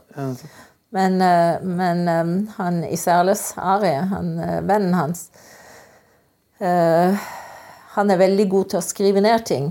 Syvert er veldig god til å tenke igjennom og, og få ting på plass. Og når det gjelder liksom matematikk og løsninger og alt mulig sånt, så eh, eh, Han israeleren, han er eh, gyver løs på det første og det beste i grunnen, og så finner han ut at nei, her er det noe feil, dette stemmer ikke. Og så skriver han andre og så, liksom, så de har en sånn en eh, veldig fint samarbeid der det er den ene irettesetter den andre, og den andre skriver ned det tredje, og det liksom de, de eh, Sånn interaksjon. Så Ja. de funker utrolig godt sammen, da. Han, Ari han er jo pensjonist nå, men han, eh, har vært, eh, han reiser fremdeles rundt og underviser og snakker og alt mulig sånt. Men det gjør ikke Syvert. Han har kutta ut det. Han har funnet ut det at ok, det er ikke noe vits i at jeg går rundt og snakker om det jeg gjorde for mange år siden. ikke sant? Nå har jeg takka Så han har ikke den samme kapasiteten nå som det han hadde. Og han kan gjerne se på ting som du gjorde før, og så sier du 'herlighet, har jeg skrevet dette her'? Føler du at du virker smart, eller at du ikke virker fullt så smart som du hadde trodd? Jeg har glemt en del av det som Det eh, var. Ja. Jeg møter jo på instituttet hver onsdag til onsdagsmøte. Hvor de får informasjon fra som som skjer på Gløshaugen. Og jeg sier da jeg vil ikke være til stede som en syvende far i huset. Fordi at mine studenter de er gode nok til å gjøre jobben. Ja. Han har, han har hatt veldig gode studenter og veldig, eh, gjort en veldig god jobb med, med Så studentene. fire-fem av mine studenter er professorer rundt omkring i Norge og utlandet. Og de er dyktige. Så jeg kan ikke gå på instituttet og vise hva de skal gjøre. De kan det mye bedre enn meg nå. Så det. Det må jo være veldig godt å kunne se at um, det på en måte har båret frukter av ditt arbeid. Da, eller at Jo, det er riktig, ja. Men jeg snakker om jobben da. ja. Vi kom til Trondheim i uh, 1970. 1970 for ett år, som sagt. Vi skulle være her ett år. Ja. Ja. Og så fikk jeg en stilling, jeg søkte på en stilling i Bergen som ble ledig i mitt fag. Jeg søkte på den og fikk den. Så reiste Edith og jeg til Bergen for å se hvordan forholdene var. Og da falt tåka rett i hodet på oss. Vi, regnet vi, vi fjellet. reiste dette på en forferdelig vær, altså. Og hadde et sånn nestenuhell med bilen underveis, for det var jo så trangt at vi mista den speilen på veien dertil. Og, det var, og vi kom til Bergen, og det var tjukk tåke, og vi så ingenting, og det regna, og jeg sa 'her vil ikke jeg bo'. så dro vi hjem igjen. Og så fikk han et professorat her oppe, for de fant ut det at de ville ikke miste han. Så det var greit. Ja. Førsteinntrykk er viktig sånn sett. Altså. ja. Altså, ikke noe galt om Bergen, men akkurat da Ja.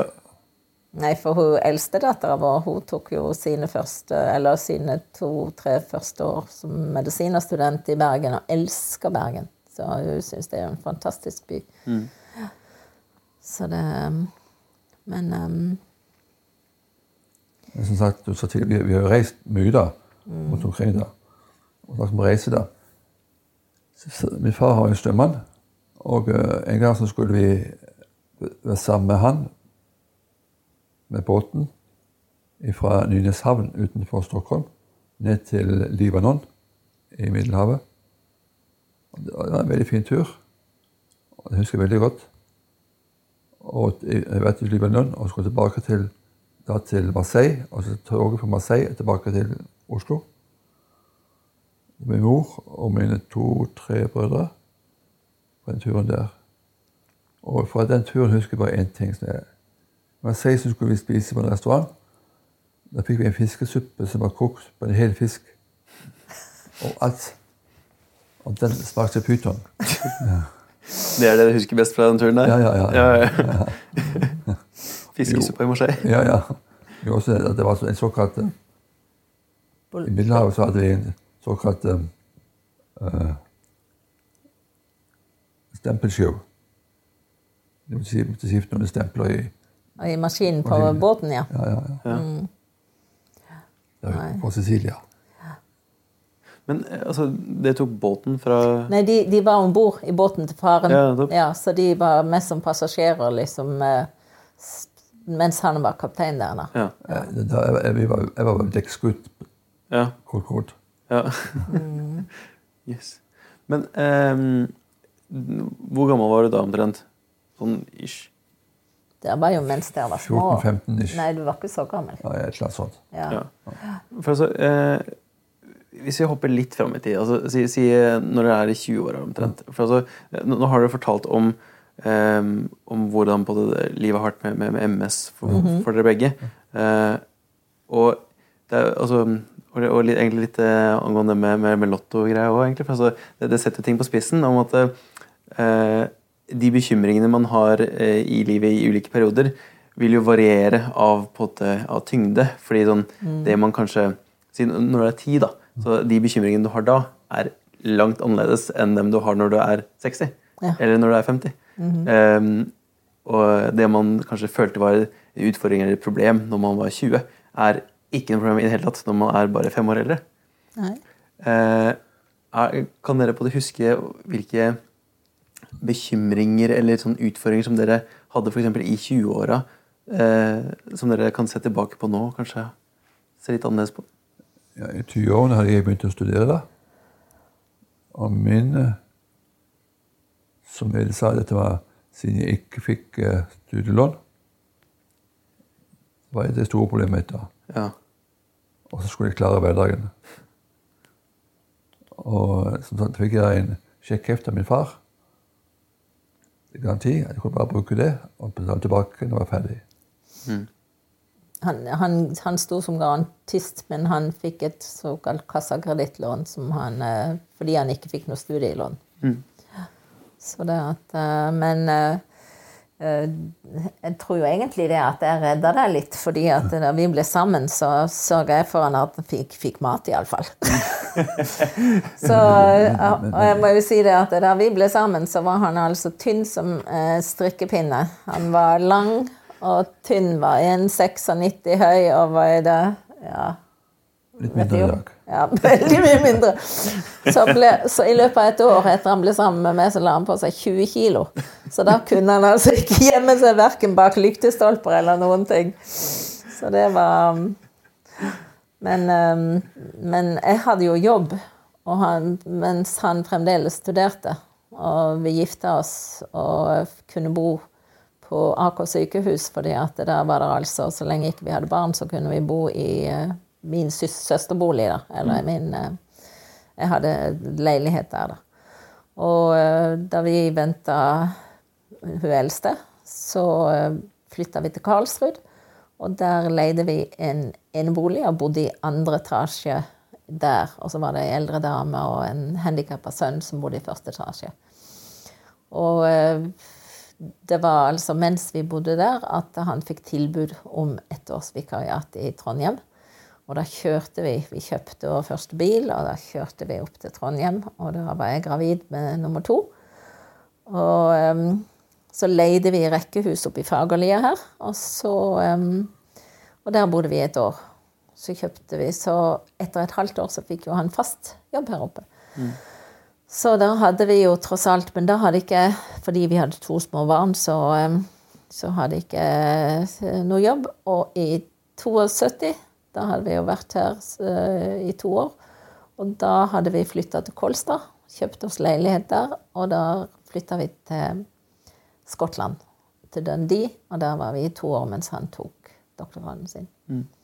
Men jeg må jo si at i Skottland så hadde vi jo også den eh, For det første så sønnen vår nummer to, han var veldig mye syk. Og så eh, endte opp på sykehus og måtte opereres eh, av sånn eh, ørebetennelse og forskjellige ting. Og da eh, Mens vi bodde i Skottland, så hadde vi penger til ett år, men vi hadde ikke penger til to år. Så det at år nummer to så hadde vi sånn at vi visste vi kunne greie å betale husleia vår til vi kunne bo. Og så fikk jeg jobb som sykepleier i et halvt år. Tjente ti pund i uka, og det overlevde vi på. Og så eh, kjøpte vi en gammel bil som vi hadde. Og så ble jeg påkjørt av en lastebil som skifta fil. Og vi klarte oss, vi var fem stykker i bilen. Eh, begge våre barn da, og ei venninne og hennes barn. Og øh, klarte oss uten at eh, Det var iallfall ikke store skader. Det var sånn at uh, dattera vår måtte sy noe i hodet og litt sånn forskjellig. Men da fikk vi forsikringer, forsikringspenger for den bilen. Ja. Og det gjorde sitt til at vi klarte oss resten av året. Jøss. kan ikke planlegge sånt. Herregud. Nei, så det var egentlig Så det var sånn at uh, det, vi har, vi har, um, vi har eh, prøvd å ha litt penger, altså. Ja. Og så kom vi tilbake igjen, og så um, Ja, mens vi var der, så hadde vi jo også leid ut leiligheten vår på Kolstad til en familie som virka veldig kjekke, og så ble de skilt mens de var, vi var vekke. Og hun skifta ut alle nøklene og flytta inn med en annen mann og tok, med seg, tok i bruk det rommet der vi hadde satt vekk alt som heter bryllupsgaver og ting vi ikke ville de skulle være borti. Og kom tilbake igjen. Eller da måtte vi ha hjelp av noen venner her, så det at de fikk ordna med noen andre som kunne leie det, det, huset vårt. For vi kunne ikke, vi hadde ikke råd til å reise hjem og så ordne opp i det der. Så Nei. presten i kirka hos oss, de, han eh, ordna opp, fikk ut det ene paret og fikk inn en engelskmann som bodde der siste året. da. Så det var liksom eh, Han kom tilbake igjen og bodde to år til på Kolstad, og så kjøpte vi hus nede på HM Søgdal. Ja. Så, um, men da hadde Syvert fikk jo fast jobb her etter et halvt år. Med det resultatet at uh, når han da hadde fått penger for ett år til å ta doktorgraden sin, så fant han ut da måtte han jo jobbe en stund til. da. Så hele tida så har det blitt ja, ja, vi må være her. Og så hadde han et fantastisk eh, samarbeid også, både internasjonalt og ellers, og greide å liksom lage en et bra samarbeid der oppe. Så han har gjort en fantastisk jobb på instituttet sitt for å få det til å gå. Tross at han har vært syk i perioder. Og i perioder så har du altså kravla opp trapper og blitt kjørt og frakta med deg eh, for i det hele tatt å komme seg på jobb. og fulgt inn og har eh, stavra seg inn på forelesninger og holdt forelesningene sine og gått videre, så han har, eh, han har vært sta som et esel. Jeg, ville jo blitt sykemeldt mye tidligere. Ja, Men det skulle han ikke ha. Jeg skulle ikke være sykemeldt. Så det er den eneste gangen som du Ja, du trengte ikke være sykemeldt, for da hadde han et sabbatsår som vi brukte rett og slett for at han skulle bli frisk igjen eller komme seg igjen etter et sånn attakk.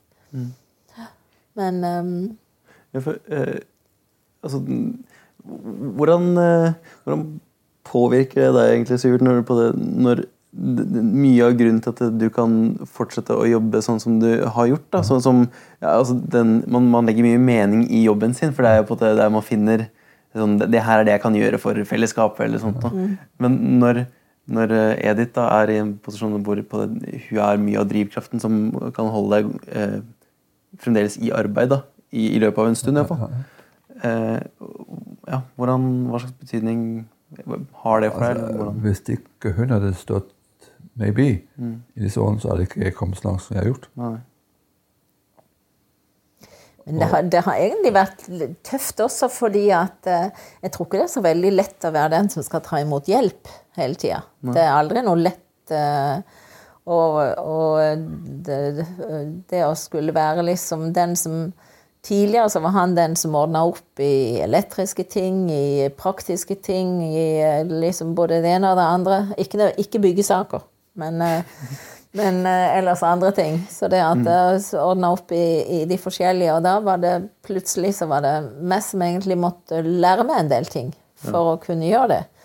Og som var den som kjørte, og den som ordna. Så når vi har vært i utlandet, så har han nesten aldri kjørt, men jeg har kjørt. Og kjørt på venstre side i, i England og i Storbritannia, og har liksom vært den som har vært sjåføren rundt omkring fordi han ikke har det. to sertifikater i Skottland. Ja, det gjorde jeg også.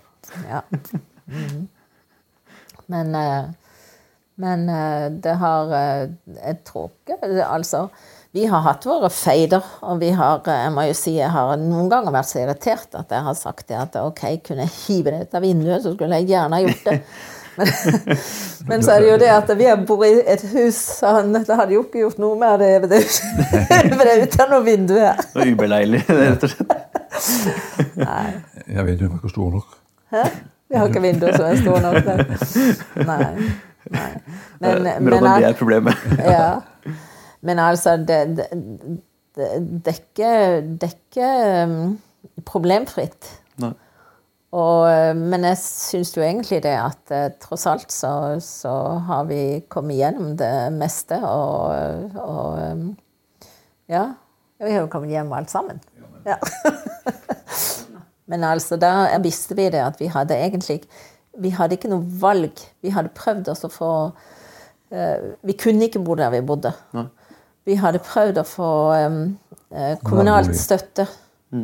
Men så var den tomta for dyr. Og, fordi at, eh, det, og da fikk vi ikke kommunal støtte det. Så det var jo en av grunnene til at eh, blant annet vi, vi endte opp med at uh, eh, vi plutselig ikke hadde så veldig mange penger igjen. Vi hadde ingen penger igjen. Så det at, uh, og i flere år da, mens det at uh, så var det jo ikke et igjen på din konto, og så levde vi av min. Men budsjettet var, var slik at når alt var betalt, så hadde jeg 50 kroner igjen på min konto. Ja, og så hadde jeg min lønning, så den levde vi på. Så det var Og da var det 14 rente den tida. Ja. Ja. Så det hjalp jo veldig godt når renta gikk ned. Det kan jeg tenke meg. Det gjorde det. Så det merka vi veldig godt. Ja, det Så Plutselig så hadde vi litt mer igjen hver måned. så, så derfor folk nå bekymrer seg over renta som kan gå opp i 4 kanskje. ja. Det blir litt komisk. Det, det blir litt komisk da, når vi 14 og det, det fungerte da også. Ja, herregud. Men da fikk vi heldigvis lov til å trekke fra all rente på skatten. Så det har litt å si. Men eh, altså, det der var vel på, på 80-tallet, var det ikke det? Jo. Ja, for, Vi flytta inn her i, i 86. Ja, 87. Mai 87. ja. for når du da ser tilbake på um, altså, det, er, jo- det er jo mye som har på det skjedd, eh, både siden da, men også, også før det. Eh, så eh, hvis jeg tenker på liksom, de ulike periodene i livet, i livet deres, er det eh, noen mennesker som både dukker opp som har eh, spilt en, en særlig stor betydning for dere, egentlig? Da vil jeg legge frem følgende. I begynnelsen, da jeg hadde MS, så fikk jeg støtte fra helsesystemet til bil. Til, fra MS, da. Ja, han fikk for det fordi for han skulle ha automatgir. Ja. Og når den bilen hadde gått et visst antall år, så var det, måtte den moden for utskiftning. Så snakket jeg med systemet om jeg kunne få til å skifte ut. Nei, du får ikke noe støtte nå fordi de hadde slått sammen min kones lønn og min lønn. Og det ble høyere beløp som de hadde satt av. Så jeg fikk ikke noe støtte. Ja, Men min kone skal også ha bil. Hun jobber jo, jeg skal ha bil. Nei, det bare slått sammen på to inntekter. Men da snakket jeg med min svoger i USA, som hun nevnte tidligere. Og da sa han til meg du Syvert, ikke bekymre deg, det skal jeg ordne opp i. sa. Fikk du noe av han? Ja, ja. Sier du det? Okay. Det. Ja, han hadde et sånt øh, han, han hadde et sånt oljerigg, eller gassriggfirma. Så han hadde i en periode veldig mye penger.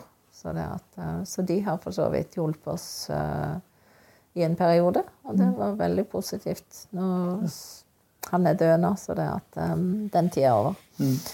Så det at um, Men um, Interessant å se at eh, eh, ja, det, lærer, eller altså, at det, det var noe du ikke visste om. for Man, man lærer jo mye her. Jo, al altså jeg, jeg husker det nå, at, Ja. det var, at vi fikk støtte til den. Men det var ikke så mye. Det var ikke mye, men det, Nei, det men det var sånn at i alle Ja. fall, det var sånn at det, det ville liksom dekke det det ville For vi hadde tenkt vi skulle kjøpe en, en bruktbil, mm. ville, men da det ville ikke, De ville ikke godta det. Ja, jeg jeg syns jeg ville ikke godta det. Nei, så det at så vi, den, den andre bilen den var jo et, eh, det var jo brukt et år, da. Eller det var jo, så den var jo sånn eh, demonstrasjonsvogn, da. Og det kunne de ikke de, de Nav eller whatever. De ville ikke godta det. Så da eh, da ga han oss litt penger til oss og, også hjelp på det, da. Det er for altså, eh, sånn, eh, grunnen til at jeg spør om det, er bare for at det er riktig person både på riktig sted i livet kan egentlig påvirke ganske mye. Eh, og det er bare spennende å, å se på hvilke som Men, men jeg må jo si at for oss her oppe Vi kom her til i eh, uten å kjenne et menneske her oppe. Ingen. Du, du kjente vel knapt noen av de som var på jobb? Nei, nei. Ja. Til ja.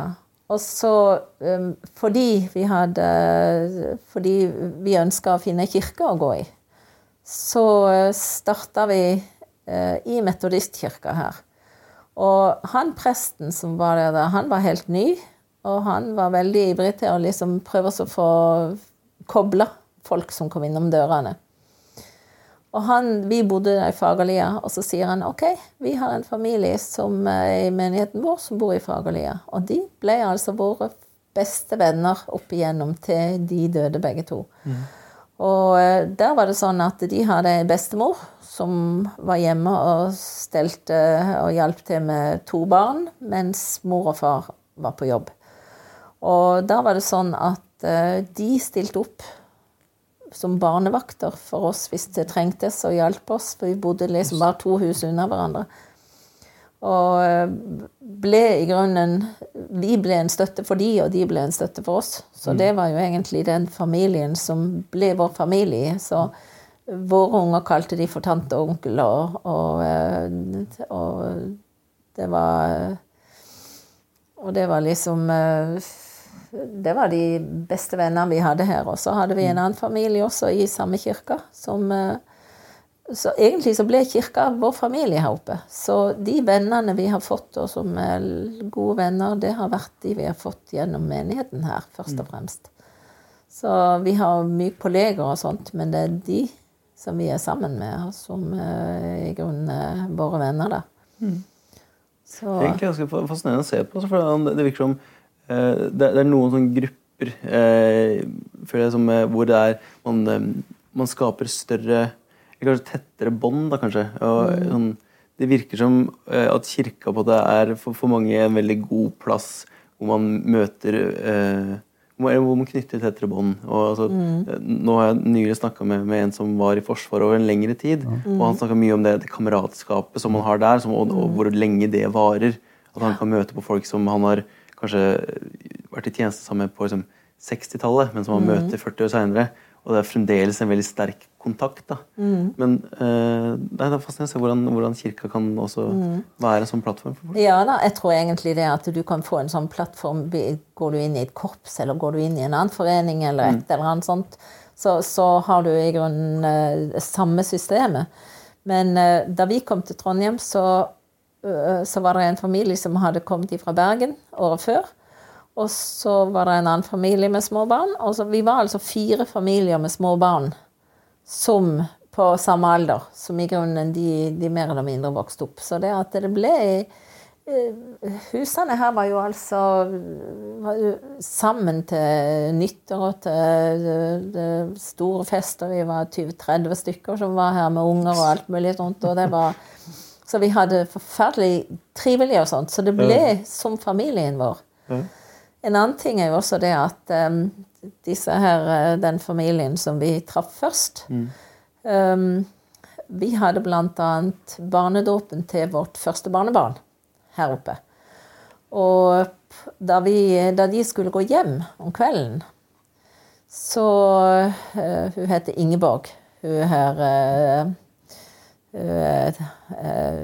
kona i den familien her. Så falt hun om utenfor og skulle til å gå inn i bilen, og så bare seg hun sammen med hjertestans her utenfor. Og da var det jo sånn at uh, alle gjestene Det var vinter, ikke sant? og alle gjestene holdt på å skulle gå hjem. Så det at uh, jeg var sykepleier, dattera mi var lege, og det var Jan som også var sykepleier, som sto utenfor. Og meg og hun andre sykepleieren vi begynte med munn-til-munn-metode og, og liksom hjertekompresjon. Og Syvert han ringte eh, ambulanse eller 113. Og dattera vår satt og amma, så hun føyk ut, hun også, for å prøve å hjelpe til. Så viste det seg at det var altså en eh, legevaktbil med legevakt og hjertestarter i nabogata.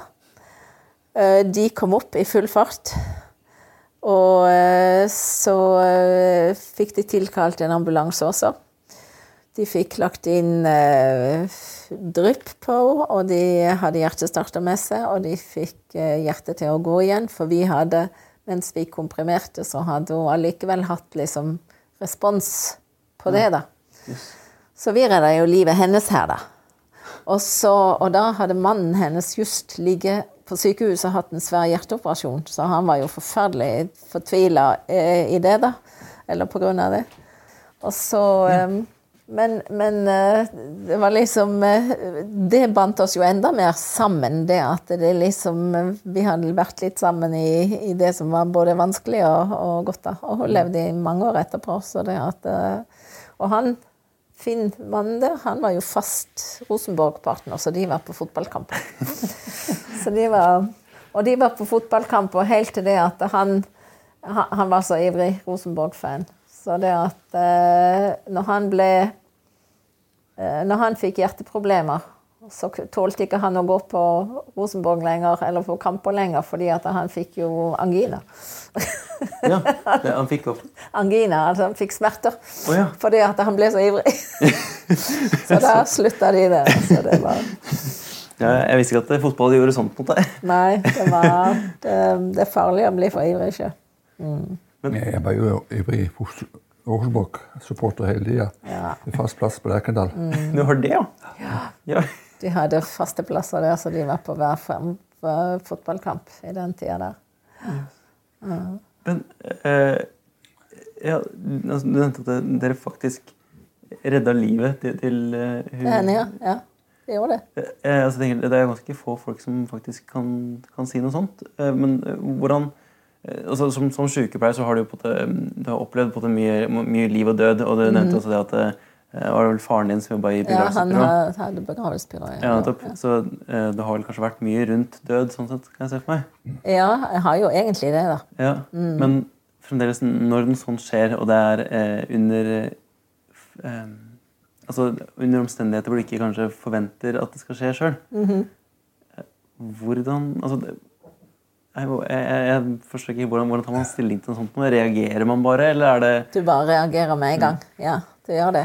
det Ja, men det var jo også et faktum at eldste datter vår, som da holdt på å studere til lege, hun var også til stede. Hun var ferdig lege. Ja. ja da. Men altså, det var meg og Heidi som Det var vi som holdt på utenfor her, da. Fordi at uh, hun, eh, hun organiserte. men eh, men det var liksom bare det at Hun så forferdelig ut at, mens hun lå der. Så han ene mannen som kom, sa det at du må huske på det, sa han som var i ambulansen. At hun kan jo gjerne bli grønnsak. ikke sant? Jeg kan tenkes at jeg så sier det at vet du, det blir hun ikke, sa jeg. Fordi at vi begynte med en gang. Så hun har rett og slett eh, Hun fikk hjelp med en gang.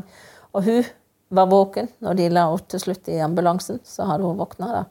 Så det at, eh, for det etter hun hadde fått eh, elektrosjokk, da. Så det mm, Så mm, Nei da. Ja, Det må være svært. Ja da. Det er ganske tøft. Ja. Men vi har jo vært heldige da, Og i den forstand at vi har jo fire barn. Dere har Fire barn. Ja. Og den eldste, som hun snakket om tidligere, som har studert til til lege i Bergen, og er nå lege her på St. Olav, overlege innen hud. Ja. Så hun hjelper med det beste hun kan med sitt område, hvis noen blir syke. Ja, hun stiller opp hvis det er et eller annet. Hvis vi lurer på noen ting, så kommer hun og kikker på oss. Så det er greit, det.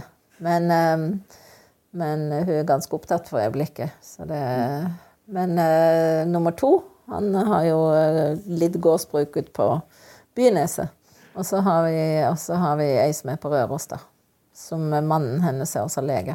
Så det er at, men hun jobber på, på rehabiliteringa eller på klinikken på Røros.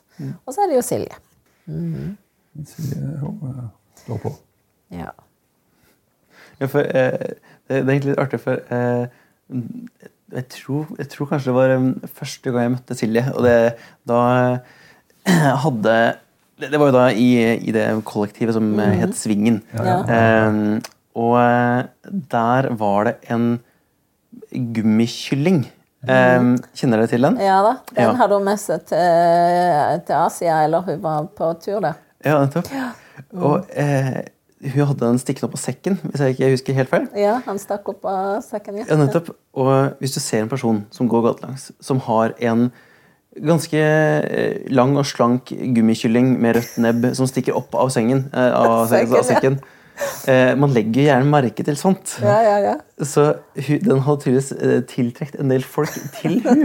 Så hun hadde tydeligvis fått en del, eh, venner, venner og bekjentskap ut ifra den kyllingen. kyllingen, ja. ja det Jeg synes det, var så, det. det var så nydelig å, måte å bruke den på. Ja da. Hun, eh, Silje har sine sider. Så det er at eh, hun har uh... Det er kreativt. Ja, hun, altså, hun har ganske mye kreativitet i seg også. Hun har det. Det er morsomt hvordan man kan ta på et objekt, og så kan man få så mye ut av det. da. Ja da. Eh, det ser veldig flott. Eh, for, for sånn rent eh, avslutningsvis så um, var det én ting jeg lurte litt på, men det, det kan nok være litt vanskelig å, å svare på med det første. Men apropos det med et objekt som man kanskje som Ikke at den gummikyllingen til, til Silje har spilt en veldig stor rolle i hennes liv, men um, det er jo noen ting som man kanskje har arva fra, fra besteforeldre. eller sånne type ting. Bare en, en, en gammel sak som, man, som har fulgt livet igjennom. Som man tar med seg fra man flytter til man flytter og til man flytter et annet sted igjen. Har dere noen sånne type ting som har fulgt dere livet igjennom? Du tenker på det her strikk, det her personlig personen strikket. Den er der som ligger nede i kjelleren. Ja, Det har jo for så vidt ikke Det er jo noe som er laga til de to eldste. Eller, eller strikka verset, eller hekla verset. Jeg dukker til dem. Men det var ikke det. Men øh, det, vi har jo for så vidt ting som vi har arva etter våre. øh, men øh, jeg må jo si for meg, så Jeg vet ikke om du ser det der lille sybordet som står der. Det heter et sybord. Det er sånt, øh, ja. Det arva jeg etter ei ja, Altså, det er tante til min far. Og det arva jeg da jeg var seks eller sju år. Ja. Og um, da var det fullt av gamle mønstre og tre strikkepinner og tre heklenåler og masse sånn forskjellig rart. Og masse små rom oppi toppen der. Og veldig spesielt. Og uh, det var fullt av makk. Liksom sånn, det var sånn uh, makkspist og alt mulig sånt. Så min far, han fiksa det. Og uh, dynka det med terpentin, tror jeg det var, og iallfall lot det stå inni en sekk og lakka det opp igjen etterpå. Og det har fulgt med ifra jeg var liten, altså. Det var liksom min arv etter denne her tanta. Men uh, føler, det må jo da være fra altså Hvis du sa at det var tanta til faren din, så er det, det, det, og det er godt over 100 år gammelt, ja. Ja, for det, det må da vi vel på 1800-tallet? ikke? Ja, det er det helt sikkert, ja. Så det er at Hvis du ser der borte, Ja. ser du en gammel kikkert. ja. Den lå i arvehaugen min etter min far. Og den kikkerten ble brukt under krigen. ja. Og jeg har prøvd å få Den det er en bit som det mangler, skjønner du. ja, Å få det reparert, men det er ikke mulig å få reparert den. Vi, vi har prøvd alle veier. men Så, det, så nå fikk han ny kikkert til jul, men den har han aldri brukt. Jo, jeg brukte en gang. Har du det? Å ja. Ok. Bravo. Jo, men det var poenget. Det er noe som han følte han i skipslivet hans sa. Mm. ja. En, en, kikkert brukte mye under krigen, og tyskerne brukte mye den kikkerten der. ja. Visla heter de. De produseres ikke i dag. Yes. Altså, den, den kikkerten Jeg var med faren din på, på skipet? Ja. Yes. Ja, for, eh, grunnen til at jeg spør, er bare at det er eh, veldig mye historie egentlig som ligger i sånne gamle ting. For, altså, sånn som eh, jeg synes Nå er det et, et skifte egentlig sånn eh, på, samfunnsmessig, men eh, det er jo veldig mye sånn bruk og kast. Ja, ja.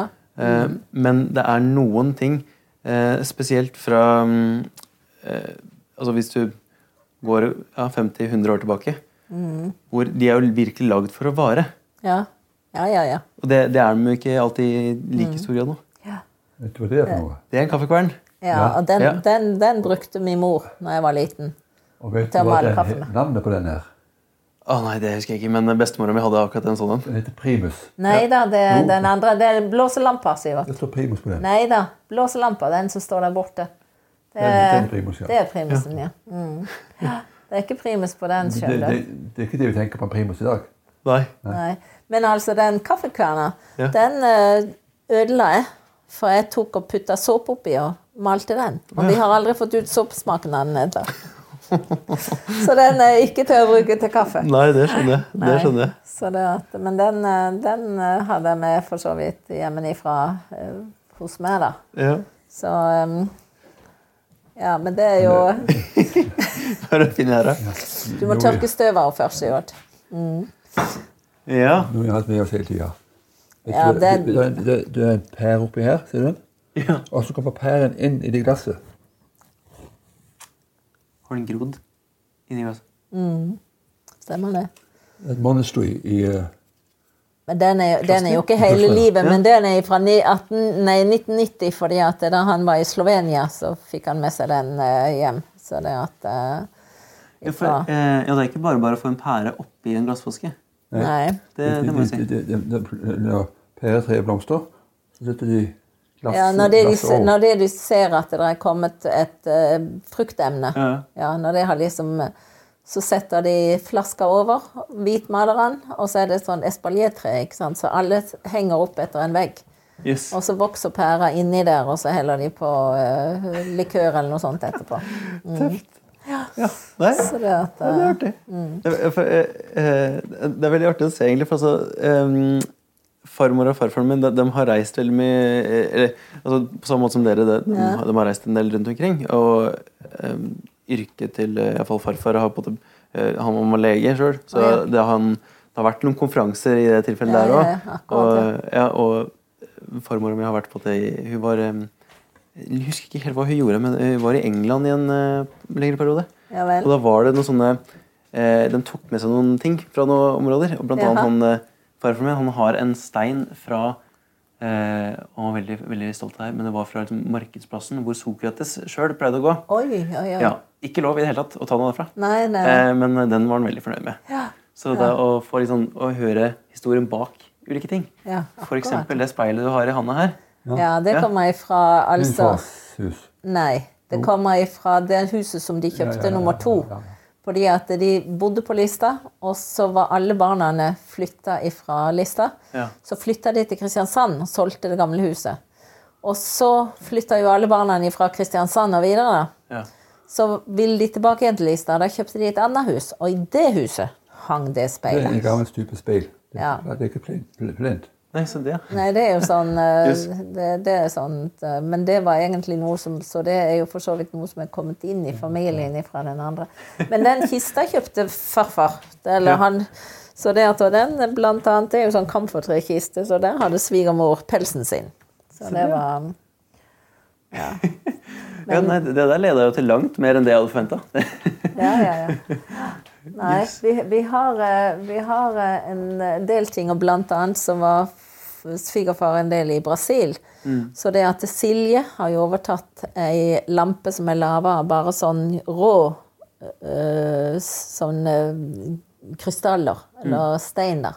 Så den har hun i Syvert fiksa den, fordi at hun satte inn nye ledninger og sånt. Så det er en nydelig sånn steinlampe som er laga av egentlig grove edelsteiner. Ja, så den har hun, eh, den har hun på Åndalsnes. Så, eh, men vi har også en boks med eh, både uslepne og slepne stein, som han også hadde med seg fra Brasil. Så det at eh, han går og finner, finner alt sammen. Ja, Hvem var det som var i Brasil? Svigerfar Ja. er på en av sine turer. Så det, at, det var jo for så vidt i det som vi arva etter. Fordi de var jo seks søsken, så de laga seks hauger. Og så Og så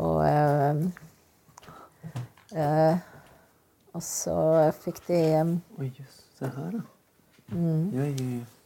Det Rått og sle- slepet. slepet. ja. Men jeg må jo si det som for så vidt har fulgt oss, da. ja. Det er det vi fikk til bryllupet, og det var bl.a.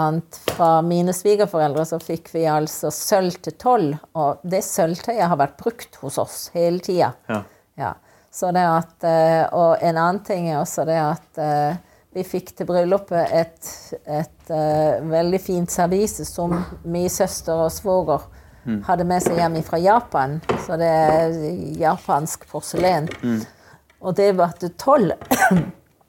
Og så kjøpte, så syntes svigerfar det var så fint, så på en av hans Japan-turer så kjøpte han akkurat tilsvarende eh, servis til de, som de hadde på lista. Og når de døde, så endte vi opp med det, så vi har altså det serviset til 24. videre. ja. Og det, det er et servis som vi nå har hatt i 50 år. Og som det er tre dessertskåler som det er en liten knast i, men ellers så er det der komplett. Ja, det Så er det at eh, det, det er spennende å høre på, egentlig. Altså, sånn, når man eh, Når man forteller om, om tinga man har og altså, det, er jo det er ting som man gjerne har, man har anskaffa i løpet av en livstid. Eh, så kommer det som regel eh, tilbake igjen til der hvor man er fra. Ja. Eh, og i tilfellene så er jo det Lista og, og Kristiansand. Eh, og eh, det er jo på en måte det er jo mye vi har dekka nå i løpet av siste tida her, og det er mye man har opplevd. Men sånn i da, når dere ser framover, eh, hva, hva er det dere liksom ser fram til nå gående framover, istedenfor å for Vi har sett mye tilbake. Hva ser vi fram til, Sivert? Beholde helsa, så det at vi kan komme oss ned til har gjort. Vi har ei hytte på Flekkerøya, så vi, vi har pleid oss å reise ned der til hver sommer. Ja. Så det at eh, Det håper vi å kunne gjøre i år også. Så, også der har vi Vi har kontakt med min gamle ungdomsgjeng Mm. i Kristiansand. Så det at uh, vi har mange å være sammen med der. Pluss jeg har to søstre som lever der, og han har fire søsken som bor i, rett rundt sørlandskysten. Så vi har jo egentlig veldig mye der nede i forhold til Der har vi familien. Mm. Så uh, vi får håpe vi får lov til oss å Og jeg så har jo hytte oppe på Storli Ja, den- i ned opp i Sto, Storlidalen oppe i Trollheimen. Men den leier vi bare. Så den um... Men du den ungdomsgjengen. Er det da Edith og de fromme, eller? Ja, ja. det er det. Med, med, med ektefelle etter hvert. Med ektefeller etter hvert, ja. ja da. Vi har jo sankthans Hans De, ple, de pleier å være ute hos oss på Sankthans da, til reker og skandier og forskjellige sånne ting. da. Så det er at eh, på hytta om sommeren, for da kommer de ut i båter. Eller, så da ser det ut som vi har et fantastisk eh, Ja, det er jo svære båter som ligger langt, langs eh, brygga vår, da. For vi har plass til en to-tre båter på ved brygga. Så det er at um, så, eh, Og så noen kommer med bil. Så det Du får ikke tak i sånne steder lenger langs kysten. Nei, det kan jeg det. Jo da, du gjør jo det hvis det er at du har Men, eh, men eh, det, altså det Flekkerøya er ikke det som det var fordi at det der blir så mange fastboende nå, for det er blitt undersjøisk tunnel ut der Mm. Så derfor så, så eh, blir det jo tettere og tettere med folk. Men eh, det er egentlig en sånn eh, trivelig lita hytte som ikke er så veldig stor, men som eh, funker. Det var jo for noen, noen tid siden en diskusjon på radio, var det vel, om hvor- hvordan man skulle definere begrepet en øy. Ja. Og da kom vi frem til følgende definisjon. En øy måtte ha Du måtte ha vann- båt for å komme dit. Du måtte ha vann rundt hele rene- alt sammen. Og så måtte du bare måtte du kunne komme dit kun med båt. Ja. Ikke med ferje eller med tunnel. Jo, ferje var jo ok, men du kunne ikke ha bro eller tunnel. Så det at, men her er det altså undersjøisk tunnel, og det betyr jo det at det er jo en del av Kristiansand, eller en del av fastlandet. Ja. Jeg setter veldig pris på at det er folk som faktisk tar seg bryet til å, å spekulere på det og definere det her. Ja. For eh, det er jo, jeg skjønner det er mye tvil blant eh, norske folk på hva en øy er. Ja. Det, det er viktig å få slått det her fast en gang for alle. Ja. Det Av, av, av, av og til stiller jeg spørsmålet Hvor er Norges største øy? ja. Kan du svare på det? Nei, det kan jeg. Det tror jeg ikke, tror jeg. Hva, hva vil du si umiddelbart?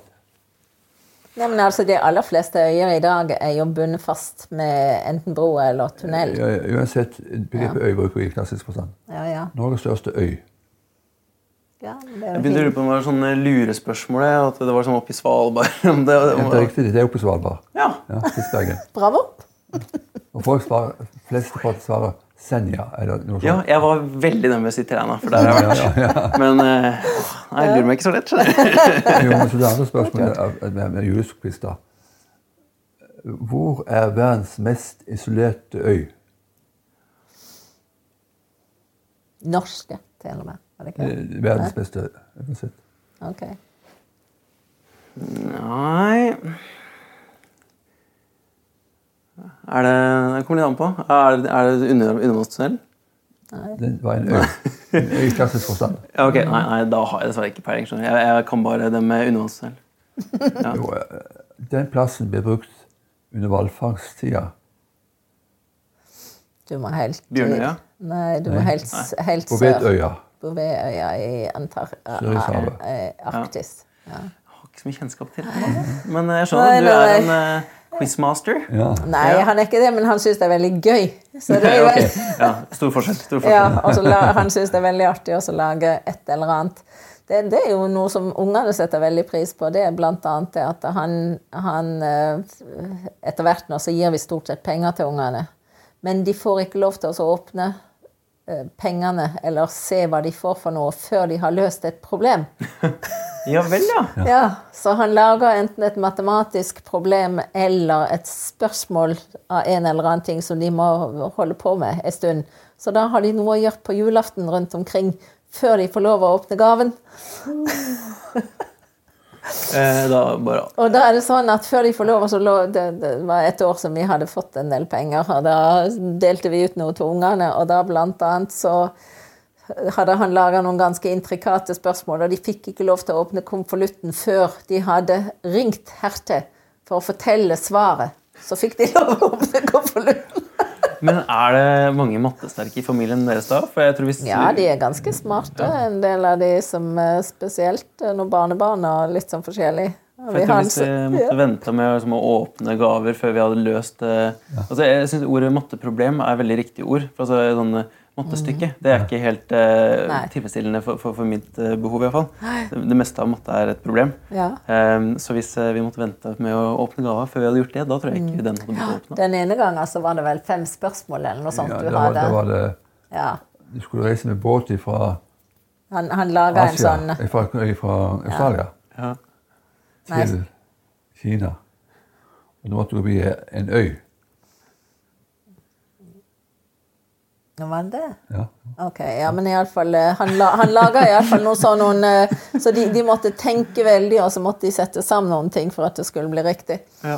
Mm, så det at, eh, og det var jo til og med sånn at langt utpå kvelden, for da var vi Jeg husker ikke hvem vi var sammen med da, men vi i alle fall- var jo iallfall ikke alle sammen samla på julaften. Så det at da ble det sånn at langt utpå kvelden, så endelig så kom den siste telefonen som sier det Nå! Nå fikk jeg det.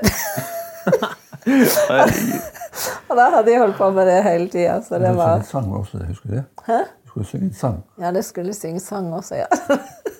Yes, ja, dere gjør litt utover jula, skjønner jeg. Ja da. Nei, han, nei, vi har det egentlig eh, Vi har stort sett et eller annet som foregår når det vi er samla. Så har vi en eller annen sånn leke eller quiz eller noe sånt. Og så Nå til jula så tok Silje Hun har hatt en quiz. Ja, hun laga, hun laga i år, så det var Det var spørsmålet følgende.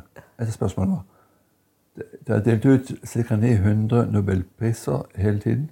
Hvor mange av de nobelprisene er til kvinner. til kvinner? Jeg hadde kanskje kasta ut eh, tre? Litt mer. Å ja, ok. Ja, Men det var eh, ikke mye mer. Nei, nei. 40. Ja. 40, var det samme? Av 900? Ja. Ja, ja. Det er lite i forhold til 400. ja. Liten- Ja. Nei da. Så Silje, Silje hadde eh, lagt seg i sving på veldig mange ting nå i jula, fordi at da var hun sammen her. For i fjor jul så reiste jo hun til um, Asia. En eller annen plass. Så hun var jo Nei, hun reiste til Tibet. Ja. Ja. Så hun satt langt oppi ei fjellside på julaften. På, på en eller annen sånn basecamp på K2 eller et eller annet sånt. Så det var så Hun var Ja. Hun Ja. klatra ikke, men hun var Dere dere følger ikke med, altså? Dere, blir ikke med? Nei, vi blir ikke med. Det er, det er Nei. kanskje ikke en julaften for Venstre? som helst? Men eh, Nei. Hun fant ut hun, hun gjør av og mine søsken spør ofte hva snakker dere om her i familien, altså oss to og barna, om, sammen om? Er det bare akademiske spørsmål? Det sånn, Nei, vi diskuterer alt annet enn akademiske spørsmål. En quiz kanskje, men ikke annet. Nei da. De har, de har blitt veldig begeistra for Syvert. Han, han eh, kommer ofte med ganske sånn veldig tørre vitser. Som er så tørre at de er like før de knaser. Så det at, eh, og det syns de er veldig artig. Ja, det er at, kanskje eh, ja, Viktig å holde fast på pappahumoren. Ja. Ja. Så det er essensielt. så til og med på universitetet nå, på avdelinga der, så har han altså fått et sånt ettermæle som sier det at hvis det kommer en tørr vits, så kaller de to, to draw a syvert. Det er ikke verst, altså. Ikke bare er du som eh, most cited of the week på LinkedIn, men du har eh, et eget eh, kallenavn på NTNU. Ja, Ja Ja, også en egen datamaskin Ja. Ja, han, eh, han var blant det, fordi at han hadde ansvar for innkjøp av datamaskiner i flere år. Og da blant annet så skulle alle de forskjellige store sentralene ha sine navn. Så han har døpt flere datamaskiner der oppe. Husker du det er en sang om Syvert? Husker du det? Nei. Syvert store Syvert sager ved. Sager store kubber. altså datamaskinen som sitter syv og står og regner tall. Ja da. Det er datamaskin til Syvert. Ja, det er nydelig. Nei, men med altså, quizer og eh, ja, hva var det? Rekemåltider med Edith og de fromme. Det, da synes det høres ut som dere har ganske mye å se fram til. sånn sett. Ja da. Så jeg, Vi jeg tror nok det er et godt sted å, å avslutte for denne gang. ja, det var det, da. Det var koselig å, å snakke med deg. Ja, I like måte. Med vafler og alt mulig. Så jeg har kost meg gløgg. Så jeg setter veldig pris på det. Det tar tida. Ja, ja. ja det er koselig å ha det her.